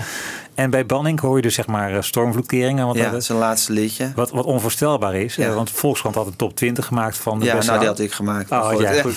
Anyway. eh, maar daar staat, daar staat stormvloedkering op één. Toch? Nee, het stormverkeer is niet Op één, hoog. maar wel hoog. Wel Ja. hoog, absoluut. Het is een ongelooflijk liedje. En nou ja, er, er, er zijn een paar dingen natuurlijk. Bannik is ook geen, geen uitvoerende artiest. En ik denk toch het feit dat hij niet die stem heeft... die bij McCartney natuurlijk ook gewoon op een gegeven moment... begint eh, Minder wordt. minder wordt. Dat dat, dat, dat instrument hem niet verlaat. Dat dat, dat dat helpt in je creativiteit. Omdat hij die stem gewoon niet nodig heeft. Eh, en ik denk toch dat het feit dat hij altijd gevoed is door die teksten van anderen dat dat ook toch eh, ja, makkelijker wil ik niet zeggen, maar dat, je, dat die creativiteit daardoor misschien ook, dat je Ja. dan toch ook altijd weer andere input hebt. En wat ik zei, die teksten zijn altijd zo leidend voor hem geweest. Hij liet zich altijd heel erg inspireren door die teksten. Misschien dat dat, maar ja, het is, het is, het is, het is ook gewoon die, die stamina bij hem, die volhoudings, die kracht om Ja, dat, dat heeft vol te McCartney houden. natuurlijk ook wel. Ja, Maar wat is het dan dat... dat die glans er een beetje Ja, afgaat. Dat het bij de ene glans afgaat. En eh, ja, McCartney moet natuurlijk alles doen. Hè? Die, die schrijft en Precies, het nummer. en dan moet het allemaal ja, opnemen. Het pakket en zingen. En dan moet hij weer al die, al die oude hits bij al zijn 6000 arena-concerten gaan zitten uitvoeren. Ja. Ja, het is misschien toch een uitputtender leven dan gewoon in bos en duin in je villa Mhm. zitten en alleen maar die, dat, dat, dat kleine liedje toevoegen. Maar misschien zou het wel goed zijn als hij zich daarop zou concentreren. Ja, dat is ook wel heel erg leuk dat hij gewoon. Ja. Ja. ik vraag me dat ook wel eens af van kunnen die mensen niet gewoon wat meer platen maken? Ja. Ik bedoel, ik wel blijf, een, eens. blijf een beetje aan de gang. Ik vind dat wel eens verbazingwekkend hoe weinig, hoe weinig popartiesten eigenlijk eh, produceren. en, en McCartney vaak. produceert voor zijn generatie nog veel. Hè? Voor zijn generatie produceert hij nog veel. En maar blijft... hebben in de podcast hebben we ook wel eens gehad over wat hij, wat hij dan nu weer heeft hij weer ringtones opgenomen. En ik van joh, wat, wat, een- wat een wat een onzin. Ja, het god met je Ga- ringtones. Ja, ga toch gewoon een plaat maken. hè? Ja, Ja, dat is McCartney, het is ook een figuur. Dat karakter van die Paul McCartney, daar kan ik me ook oeverloos Ja. over blijven verbazen. Wat Jij bent, voor- jij bent meer Lennon, hè? Dat, is, eh, dat voel ik een beetje af en toe. Ja, ik ben gewoon Beatles. Ik bedoel, ik ben. Het, het- kijk, alles van, bij de Beatles gaat over de wrijving tussen die twee persoonlijkheden. Dat is natuurlijk, dat is natuurlijk het, het grote mysterie en het grote wonder. Dat, dat, het, dat het die twee tegengestelde karakters zijn die, die, die, die samen het ongelooflijke hebben, hebben bewerkstelligd. En dat is zo verschrikkelijk interessant. Maar ik vind Paul McCartney een buitengewoon irritante persoonlijkheid. John Lennon leek mij ook een heel irritante persoonlijkheid. Maar toch maar wel iemand om wie je kan lachen. Terwijl die grapjes van Paul McCartney tijdens die concerten... Ja, ik vind het amper te wordt gek verdragen. van, ja. Je wordt echt, en het is ook altijd dezelfde. Dan ga je naar een paar van die concerten, wat op zich leuk is. Je moet het doen en dan zie je elke keer weer dezelfde grapjes Ja. voorbij Ja. komen. Op precies dezelfde manier gebracht. En ik denk, wat ben je nou voor een vervelende, olijke clown? Maar ja, het is wel een genie. En hij zat wel in de Beatles. Ja. Alhoewel hij het zichzelf dus ook amper meer kan voorstellen. Zoals hij laatst zei, dat hij erin zat. We moeten weer wat muziek gaan draaien. Ja, we moeten weer wat muziek gaan we- Ja, ik was net al een bruggetje naar die Nee, plaat aan het precies. maken met al die Beatles-verwijzingen. werd niet opgepikt. Want, Le- want Henny is natuurlijk wel een echte Beatles-fanaat. Dat is bij iemand wiens leven ook gewoon begon toen hij het singeltje van Love Me Do had, eh, had gekocht. En die heeft, die heeft wel, vooral het liedje Harry, wat heb je met je haar gedaan, heeft hij helemaal volgepropt met, eh, Oh. met Beatles, eh, met Beatles verwijzingen van Ja. het arrangement. Want even dat nummer komt van Ja, nee. Het komt- is een Beatle- Beatle-esque nummer. Zal ik even het beginnetje van het, eh, van het origineel laten horen? Wie durft het te zeggen? Ik durf het te zeggen. Ik ook. Ik ook. Wij durven het zeggen. Harry, wat heb je met je haar gedaan? Harry, Nou, dat, daar kan je iets van de Beatles in horen. Met een beetje goede wil. Maar Henny heeft daar een pure Beatles pastiche eh, op gemaakt. En het wordt gezongen door Harry Banneke. Door Harry zelf, ja.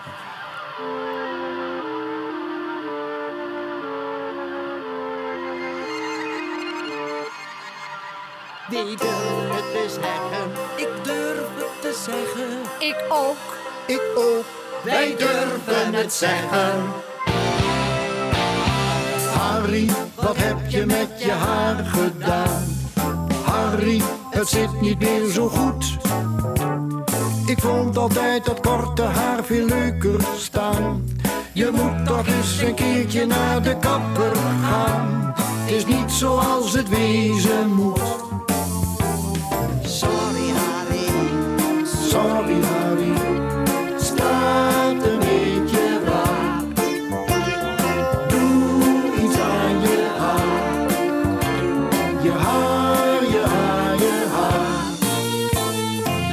het weer af met een scheiding opzij. En iedereen lachte en iedereen zei. Wie durft het te zeggen? Ik durf het te zeggen. Ik ook. Ik ook. Wij durven het zeggen. Harry, wat heb je met je haar gedaan? Harry, het zit niet meer zo best. Ik vond altijd dat lange haar zo enig staan. Er is nou wel een halve meter afgegaan. Harry, het is helemaal verpest. Sorry Harry. Sorry Harry,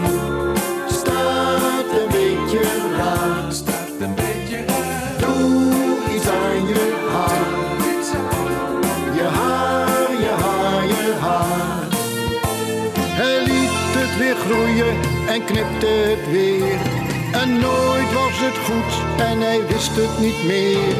En toen werd hij wakker op zaterdagmorgen.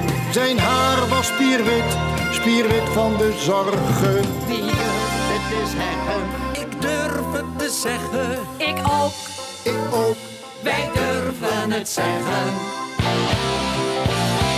Harry, wat heb je met je haar gedaan? Harry, het staat wel echt apart. Maar toch vond ik dat donkere veel leuker staan. Harry, je moet eens naar de kapper gaan. En verf het maar weer zwart. Sorry Harry, sorry Harry, staat een beetje raar. Doe iets aan je haar, je haar,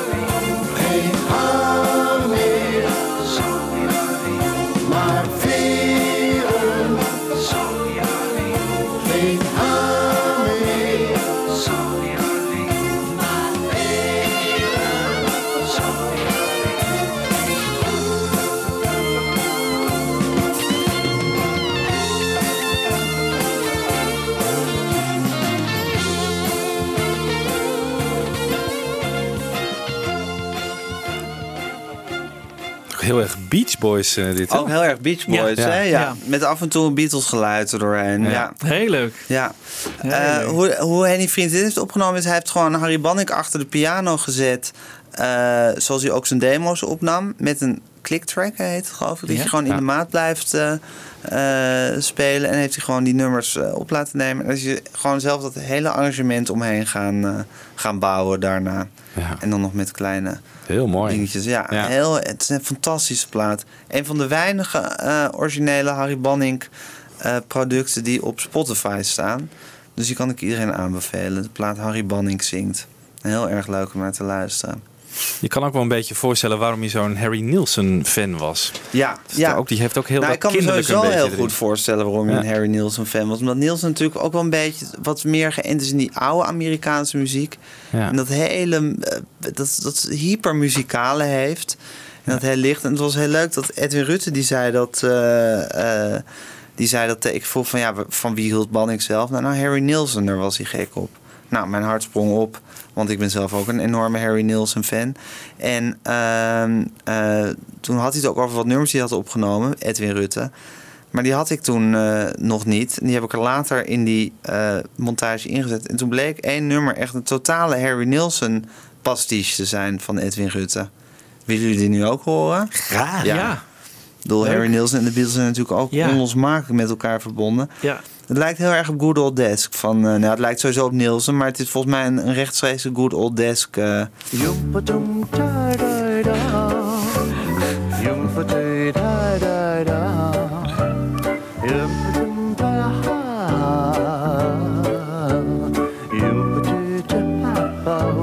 Goeie oude tijd, goeie oude tijd, toen je haast niet slapen kon. Wanneer je morgen jarig was. Pa, pa, pa, pa, pa. Goeie oude tijd, goeie oude tijd, heerlijk hout op borrelpaard. Samen door een modderplas. Goeie oude tijd, goeie oude tijd, toen ik voor een kooprecent een boodschap voor mijn moeder deed.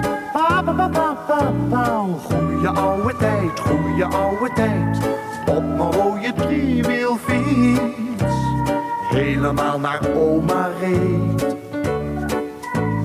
Oma had een grijze kat die altijd op het stoepje zat te dromen. Trommeltje waar snoep in zat stond klaar op het buffet naast een donkerbruin portret van opa. Dag opa. Oude tijd, goeie oude tijd, toen je in je blote gat zingend op het grasveld liep. Pa, pa, pa, pa, pa. Goeie oude tijd, goeie oude tijd. Janus was de teddybeer die altijd veilig naast je sliep. Aan de hand van papa naar de kermis op het plein. Bondgekleurde wereld van plezier. Waar een kinderdroom geen droom maar werkelijk leek te zijn. Een zuurstok en een oliebol en overal muziek. Een vlag en een ballonnetje en hooggeëerd publiek. Een muts van rood papier, een wereld van plezier.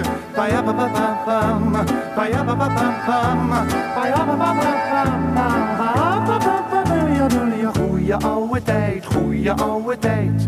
Vreemd soort heimwee naar een tijd die ongemerkt is weggeërfd. Pa, pa, pa, pa, pa, pa. Goeie oude tijd, goeie oude tijd, die weer zo dichtbij lijkt nou. Jezelf twee van die hummels hebt. Jompetum, pa, pa, pa. Jompetum,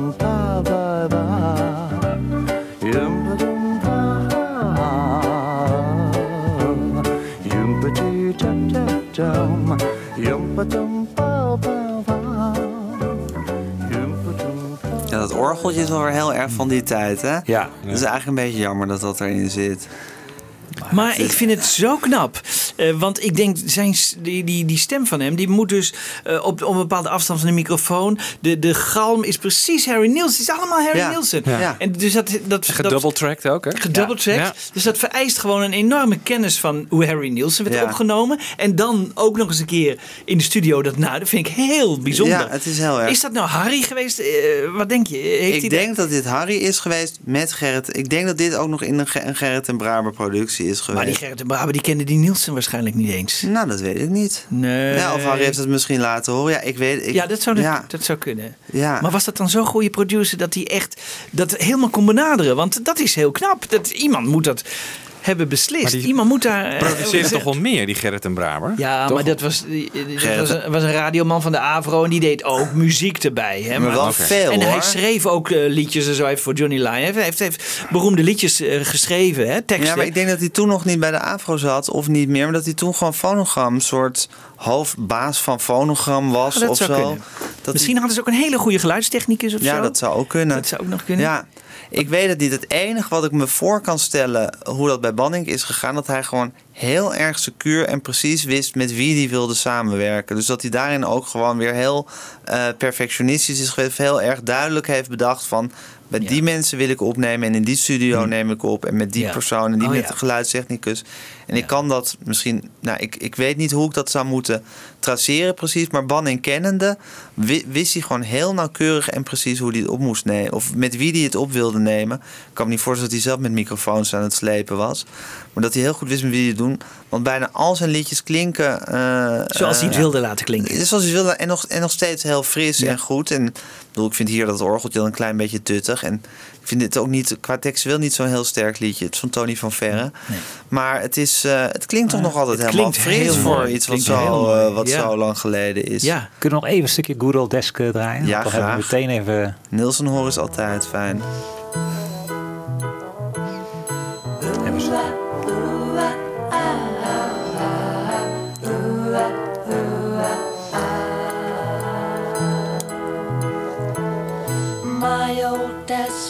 Does an arabesque in the morning when I first arrive. It's a Ik word er ook onmiddellijk gelukkig van hè, als je Nielsen hoort. Prachtig. Oh, dat geluid, man, wat er uit die keel komt. Ook weer wat, wat er met de Beatles overeenkomt. Hoe helder het geproduceerd is. Hè? Ja. Zo glad en Ja. zo perfect.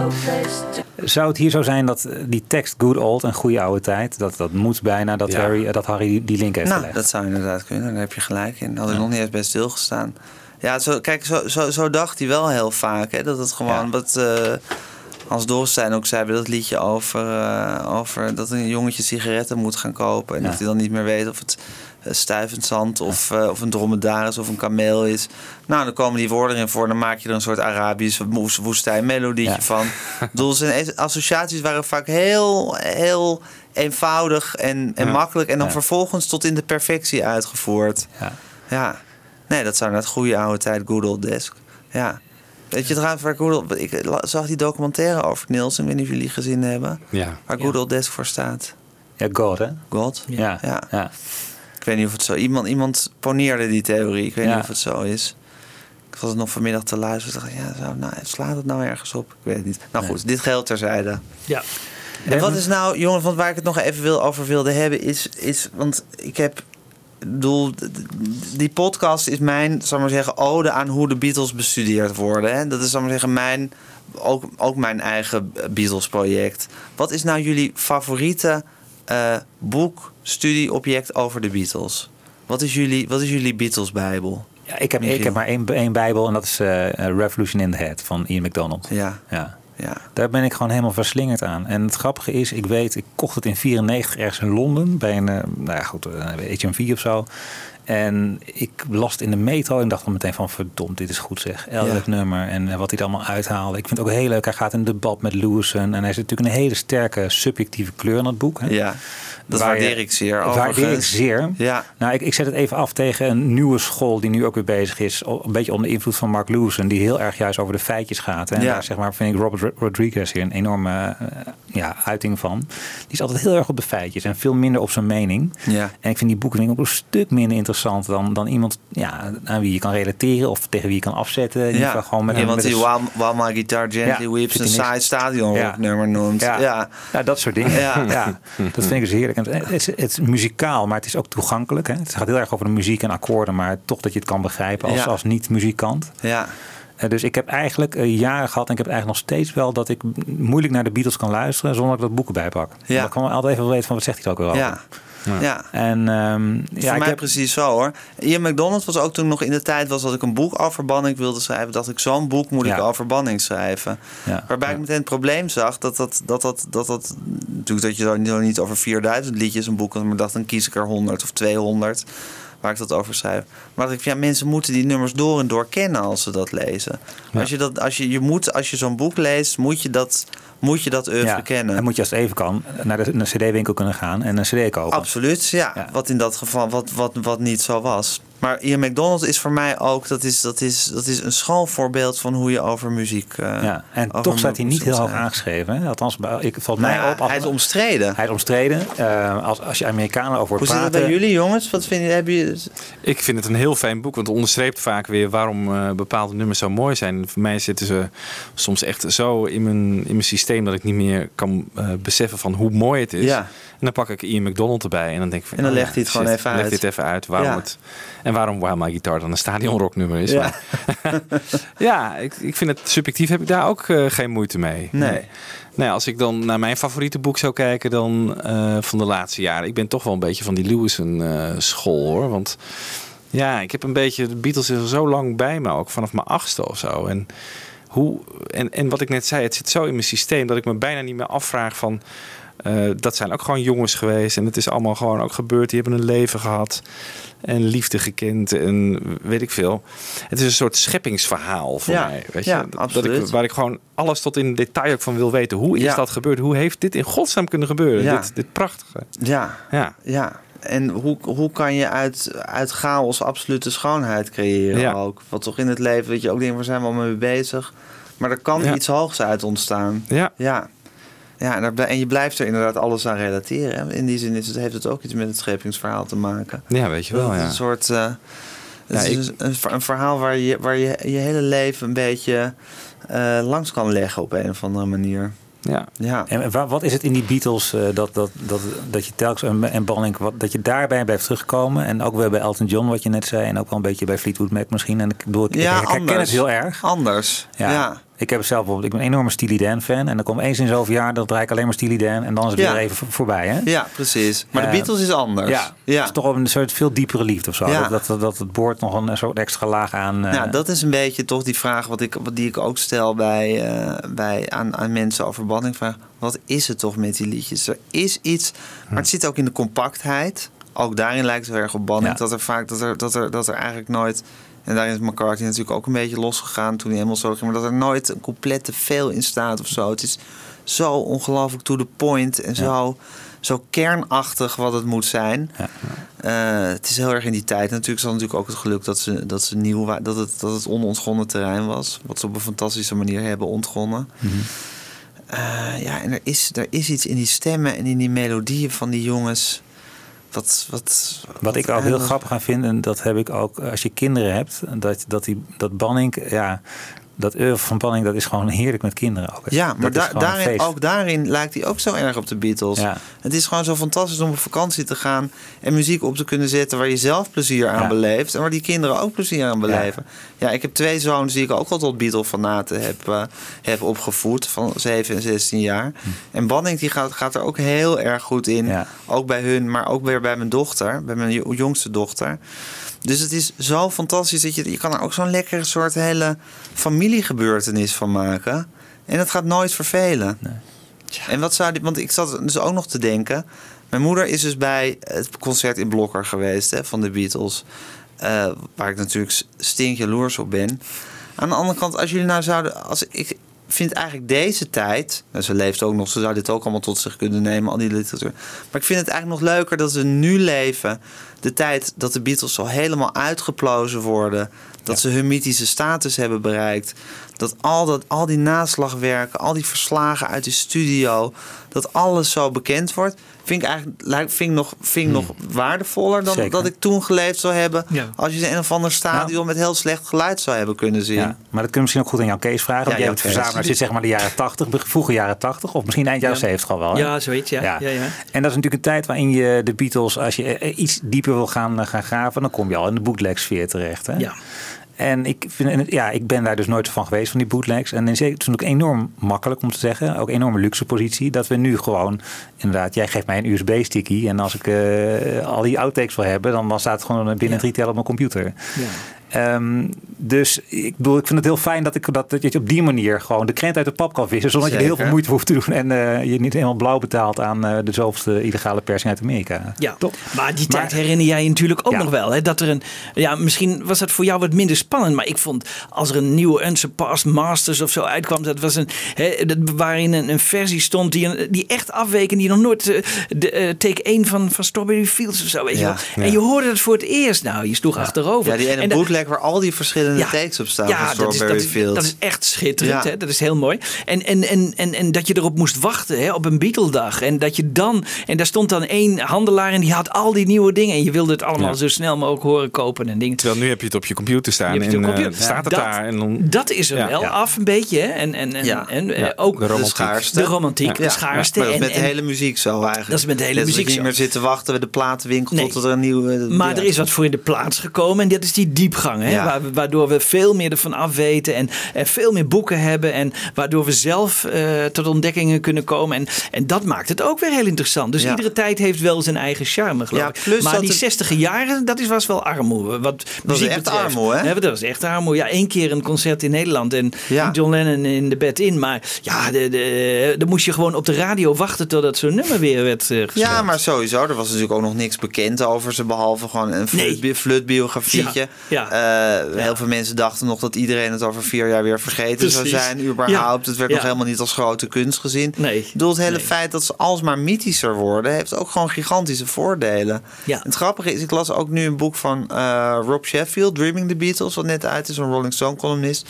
boek waar ik verder niet diep van de indruk was. Maar had één interessante constatering. Namelijk dat, zal ik maar zeggen... in de jaren zeventig de Beatles eigenlijk langer geleden waren... dan ze nu zijn. Want Ja. ze, nu- ze worden weer Ja, steeds levender, aanweziger... Ja. eh, Ja. eh, steeds minder ter discussie. Terwijl toen was het echt zo, ja, oude koek. Ja. Die jongens van vroeger die nu eigenlijk niet meer hip zijn. En, En eh, die Kevin maakt weet ik veel. parkeergarage van. ja, Ja, precies. ja, precies. Ja, ik bedoel, wat, wat, wat ouderwets. En, niet, terwijl nu is het gewoon, weten we gewoon dat het, dat het de toetssteen der dingen in de popmuziek is.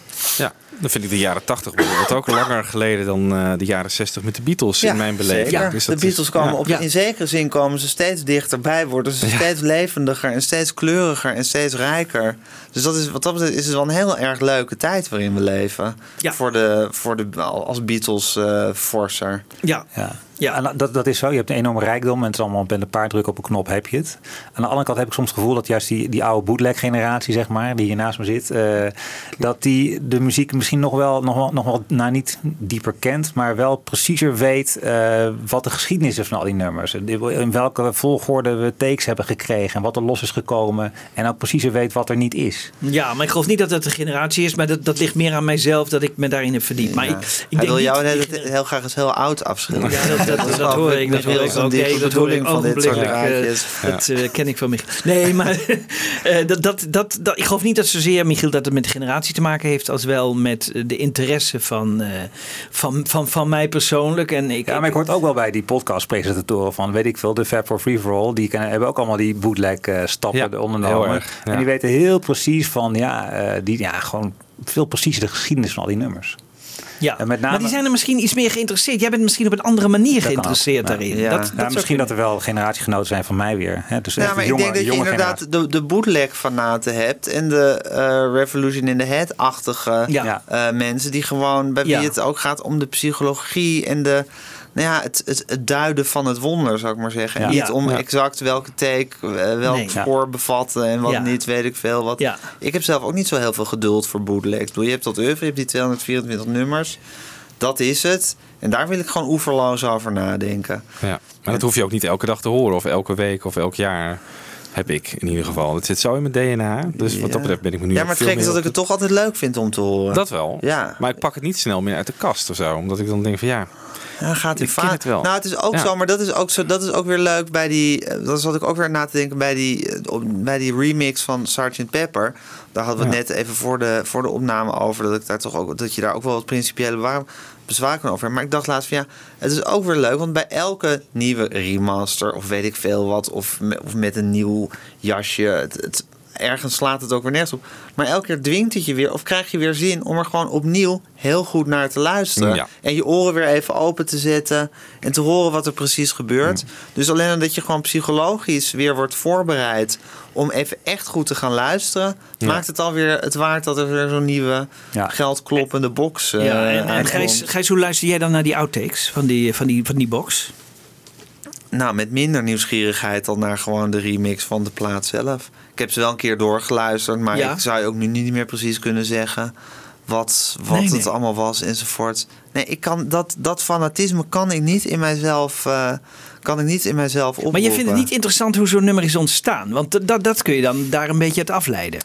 Ehm, je vindt het eindproduct eigenlijk interessanter dan Ja. de, de geschiedenis daar naartoe. Ja, ik vind, maar ik vind dan eigenlijk dus wel, maar ik ben gewoon ook, ik vind, de, ik vind het dan wel interessant of ze ruzie hebben gehad tijdens dat ding. Of dat het inderdaad een uitruil was, of ga jij maar dit doen. Of, eh, ja, of wanneer Paul McCartney dan gitaar speelt. Dat ik denk van, oh jee, zal dat niet gevoelig hebben gelegen bij George Harrison en Ja, zo. Dat vind ik allemaal wel erg interessant. Ja. Of bijvoorbeeld wat ik ook heel interessant vind, is dat boek van Jeff Emmerich. Dat vind ik ook fantastisch, Here, There and Everywhere.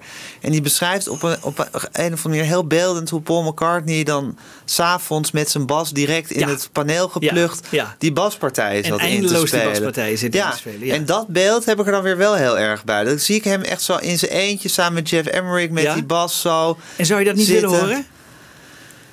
Ja, dat wil ik wel, maar dat hoor ik wel. Ik bedoel, dat hoor ik wel als ik dat nummer hoor. Dan niet hoor per ik- se in de vorm van een outtake te horen. Nee, of niet die nee, outtake. of Maar, alleen die bas. maar dat is gewoon als ik dat mooie ronde basgeluid hoor... wat er vanaf Sgt. Pepper eigenlijk is... Oh, dan, ja. dan zie ik hem gewoon s'avonds in zijn eentje... die baspartij eh, inspelen. En net zoals van, dat, dat hij bijvoorbeeld... dat, hij, dat Paul McCartney wel zegt van... ja, ik had eigenlijk heel graag de tweede stem bij eh, Come Together willen zingen... Ja. maar dat durfde ik niet te vragen...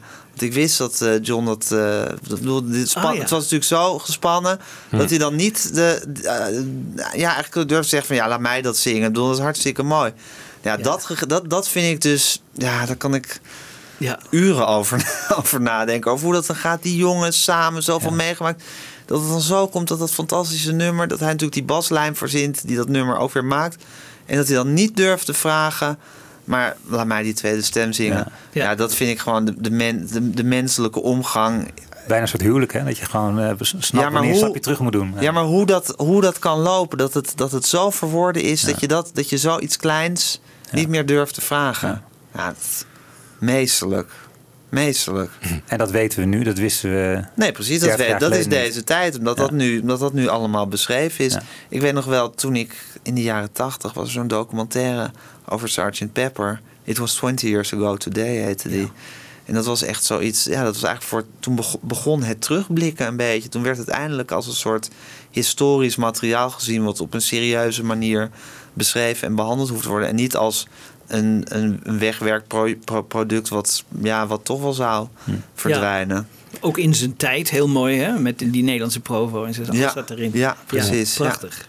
Dus als ik nu even samenvat, dan zeg je eigenlijk van doordat, doordat die boeken bestaan, doordat je weet dat op zo'n manier kan je met populaire cultuur bezig zijn, ben ik geïnspireerd geraakt Ja. om nu met Harry Banning. eh, Absoluut. Dit is gewoon mijn bedoel, omdat ik, ik hou van de Beatles, maar ik hou net zoveel. En ik ben geen muzikant, dus dat kan ik niet. Maar ik hou net zoveel van de manier waarop de Beatles zijn beschreven en zijn behandeld. En die manier is mijn inspiratiebron om te, geweest om te denken, ja, zoals jullie dit nu ook doen. Maar goed, over de Beatles bestaat er al heel veel. Dus, maar toen dacht ik van, dat moet ik gewoon over Banning ook gaan doen. Ja. En dat moet niet in een uurtje. En het moet niet in twee uur. Ik moet gewoon 30 uur maken. Of 40 of 50. Ik weet niet hoeveel het gaat worden. Maar het mag zo lang duren als het moet zijn. Maar het moet de diepte in. En het moet gewoon veel zijn. En gedetailleerd. En met veel muziek. En ja. ja. Zou je ook zo'n podcastserie over de Beatles willen maken? Eh, dat je naar alle mensen gaat die met hun hebben gewerkt. En, eh, zou je dat kunnen? Of zou je dat interessant Nee, vinden? Of zou je ja, dat... nee, maar dat, dat, is, dat, dat, is, dat, dat gebeurt over geen podcastserie, maar nou, ook heel veel podcast. We hadden het ook daarnet over, over podcasts, over de Beatles. Ik zit nu weer helemaal in de pop podcast. Fabcast lijkt heel erg op jullie Fab maar het Fabcast. is ook weer op heel hoog niveau over de Beatles zitten praten. Voor de Beatles zou ik, zou ik veel te, te ja, zou ik me te, te, te miserig voelen om naar die mensen toe te gaan. Ik bedoel, ik zou niet, niet nadat Mark Lewis zo'n ergens is geweest, het aandurven om, om nog eens te gaan vragen hoe ging dat dan. Nee, maar even... eh, In een ideale wereld, als ik in een andere tijd... En Ja? als, als het, ja, tuurlijk. Is het ook heel lekker dat, in Ja. Nederland, dat jij je podcast in het Nederlands kan doen. Met Nederlandse teksters en next, Ja. Nederlandse acteurs en weet ik wie allemaal. Absoluut. Ik prijs me gelukkig dat ik een Ja. onderwerp heb gevonden. Ja. Dat, Ja. dat bedoel, hij is eh, op vele opzichten anders en misschien ook minder dan. Maar wat toch qua niveau, waar ik me ook gewoon mateloos over kan verwonderen. Die ik mateloos kan bewonderen. En daar een groot journalistiek werk over kan maken. Ja, dat is, dat is gewoon een. eh, Feest. Neus in de boter situatie. Wat een gelul zeg. Zou ik nog één, want ik vond net al die liedjes die ik draaide, dacht ik van ja, het is allemaal super leuk. En het heeft misschien wel iets met de maar ik vond het ook allemaal een beetje, het is een beetje het oude en het tuttige werk. Mag ik één soort wat nieuwer liedje van hem draaien uit Klokhuis? Zeker. Onuitgebracht werk. Gewoon, het heeft niks met per se met de Beatles te maken, maar jullie horen dat hij ook gewoon wel even wat pittige hij dingen kon heeft rocken. gemaakt. Ja, precies.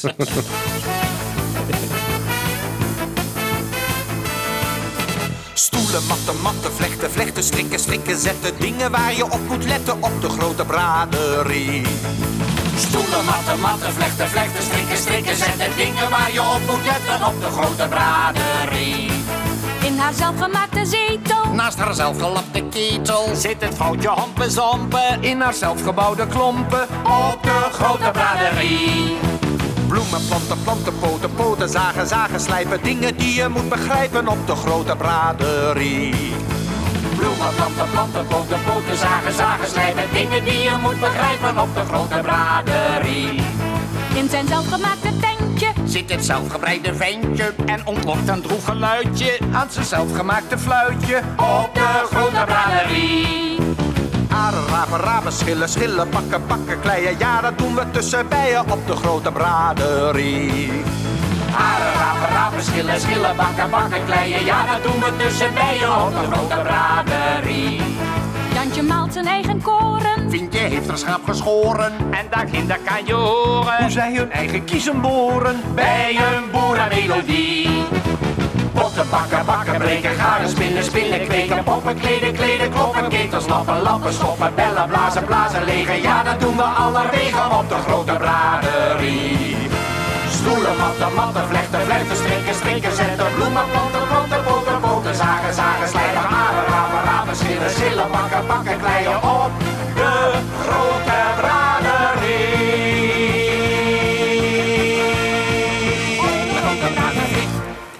Ja, sorry, dat wou ik eventjes... Ja, eh, lekker. Ja, ik wou nog even een pittig puntje zetten. En dit Hey, is ook weer zo'n geweldig Er, er is nog, één onderwerp wat ik even met je wil spreken. En daarna gaan we naar de laatste tune toe. Namelijk toch ook een beetje, zeg maar, als je naar de Beatles kan kijken, dat er ook nummers zijn waar je uiteindelijk minder mee hebt. Hè? Dus zeg maar Yellow Submarine, een beetje, een beetje dat, dat, eh, dat kaliber.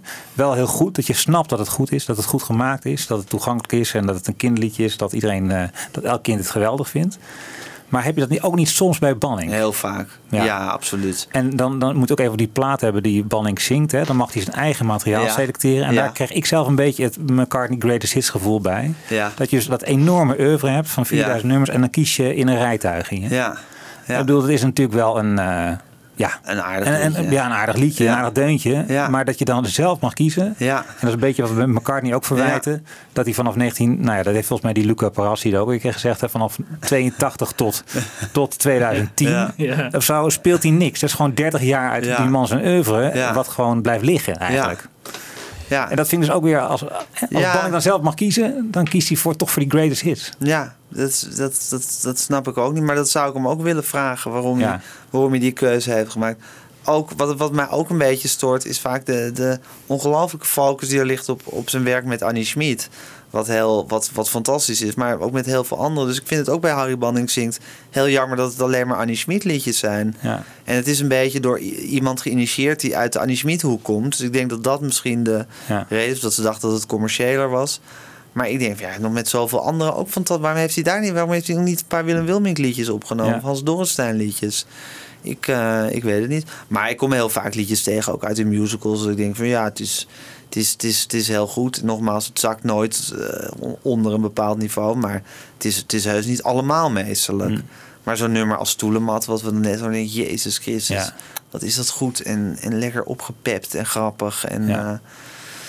eh, en leuk. Gijs, Ik denk Jongens. dat wij nog makkelijk twee, drie uur met je zouden kunnen doorpraten. Nou, over de van Beatles zouden we nog gewoon tot onze dood kunnen Ja. doorpraten. Ja, dat is geen enkel probleem.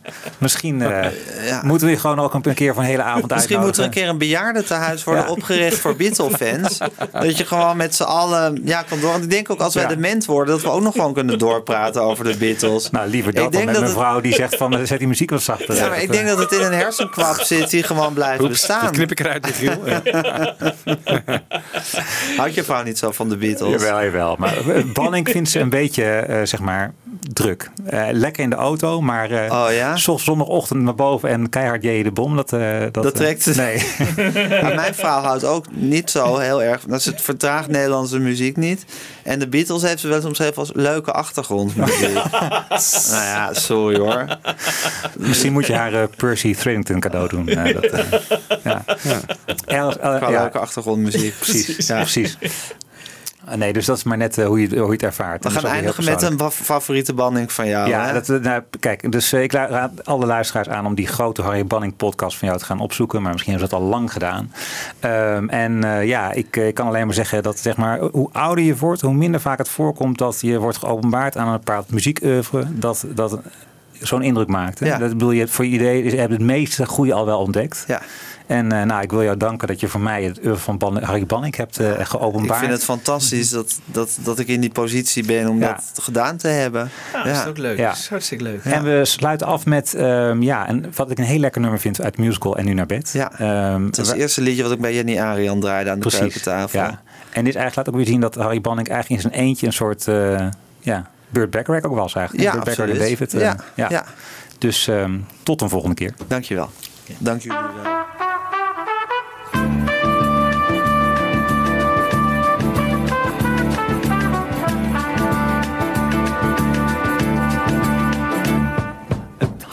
alleen maar een pomp, alleen maar een pomp en meer is het niet.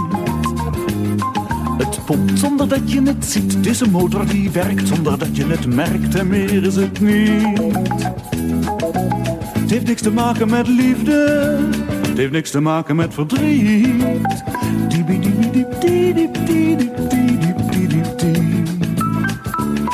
Het hart is enkel een pomp, alleen maar een pomp en meer is het niet. Het hart is alleen maar een pomp, alleen maar een pomp en meer is het niet. Het werkt als een klok die maar gaat en die tikt en die slaat precies op de maat en meer is het niet.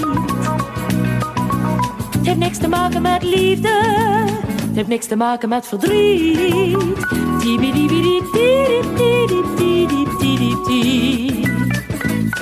Het hart is enkel een pomp, alleen maar een pomp en meer is het niet. Het hart is alleen maar een pomp, alleen maar een pomp en meer is het niet. Het hart is enkel een pomp, is een bloederige klop, hier links in je romp en meer is het niet. Het heeft niks te maken met liefde, het heeft niks te maken met verdriet.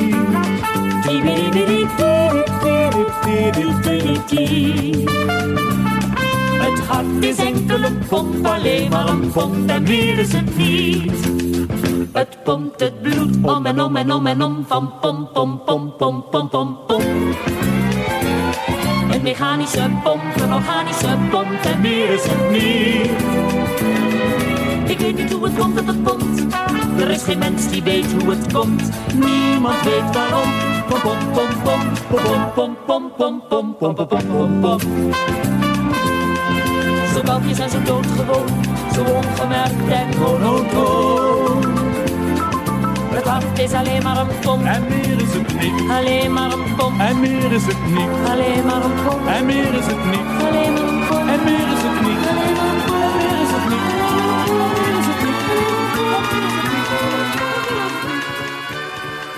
Fab Forecast. Luister ook naar Fab Forecast via beatlesfanclub.nl.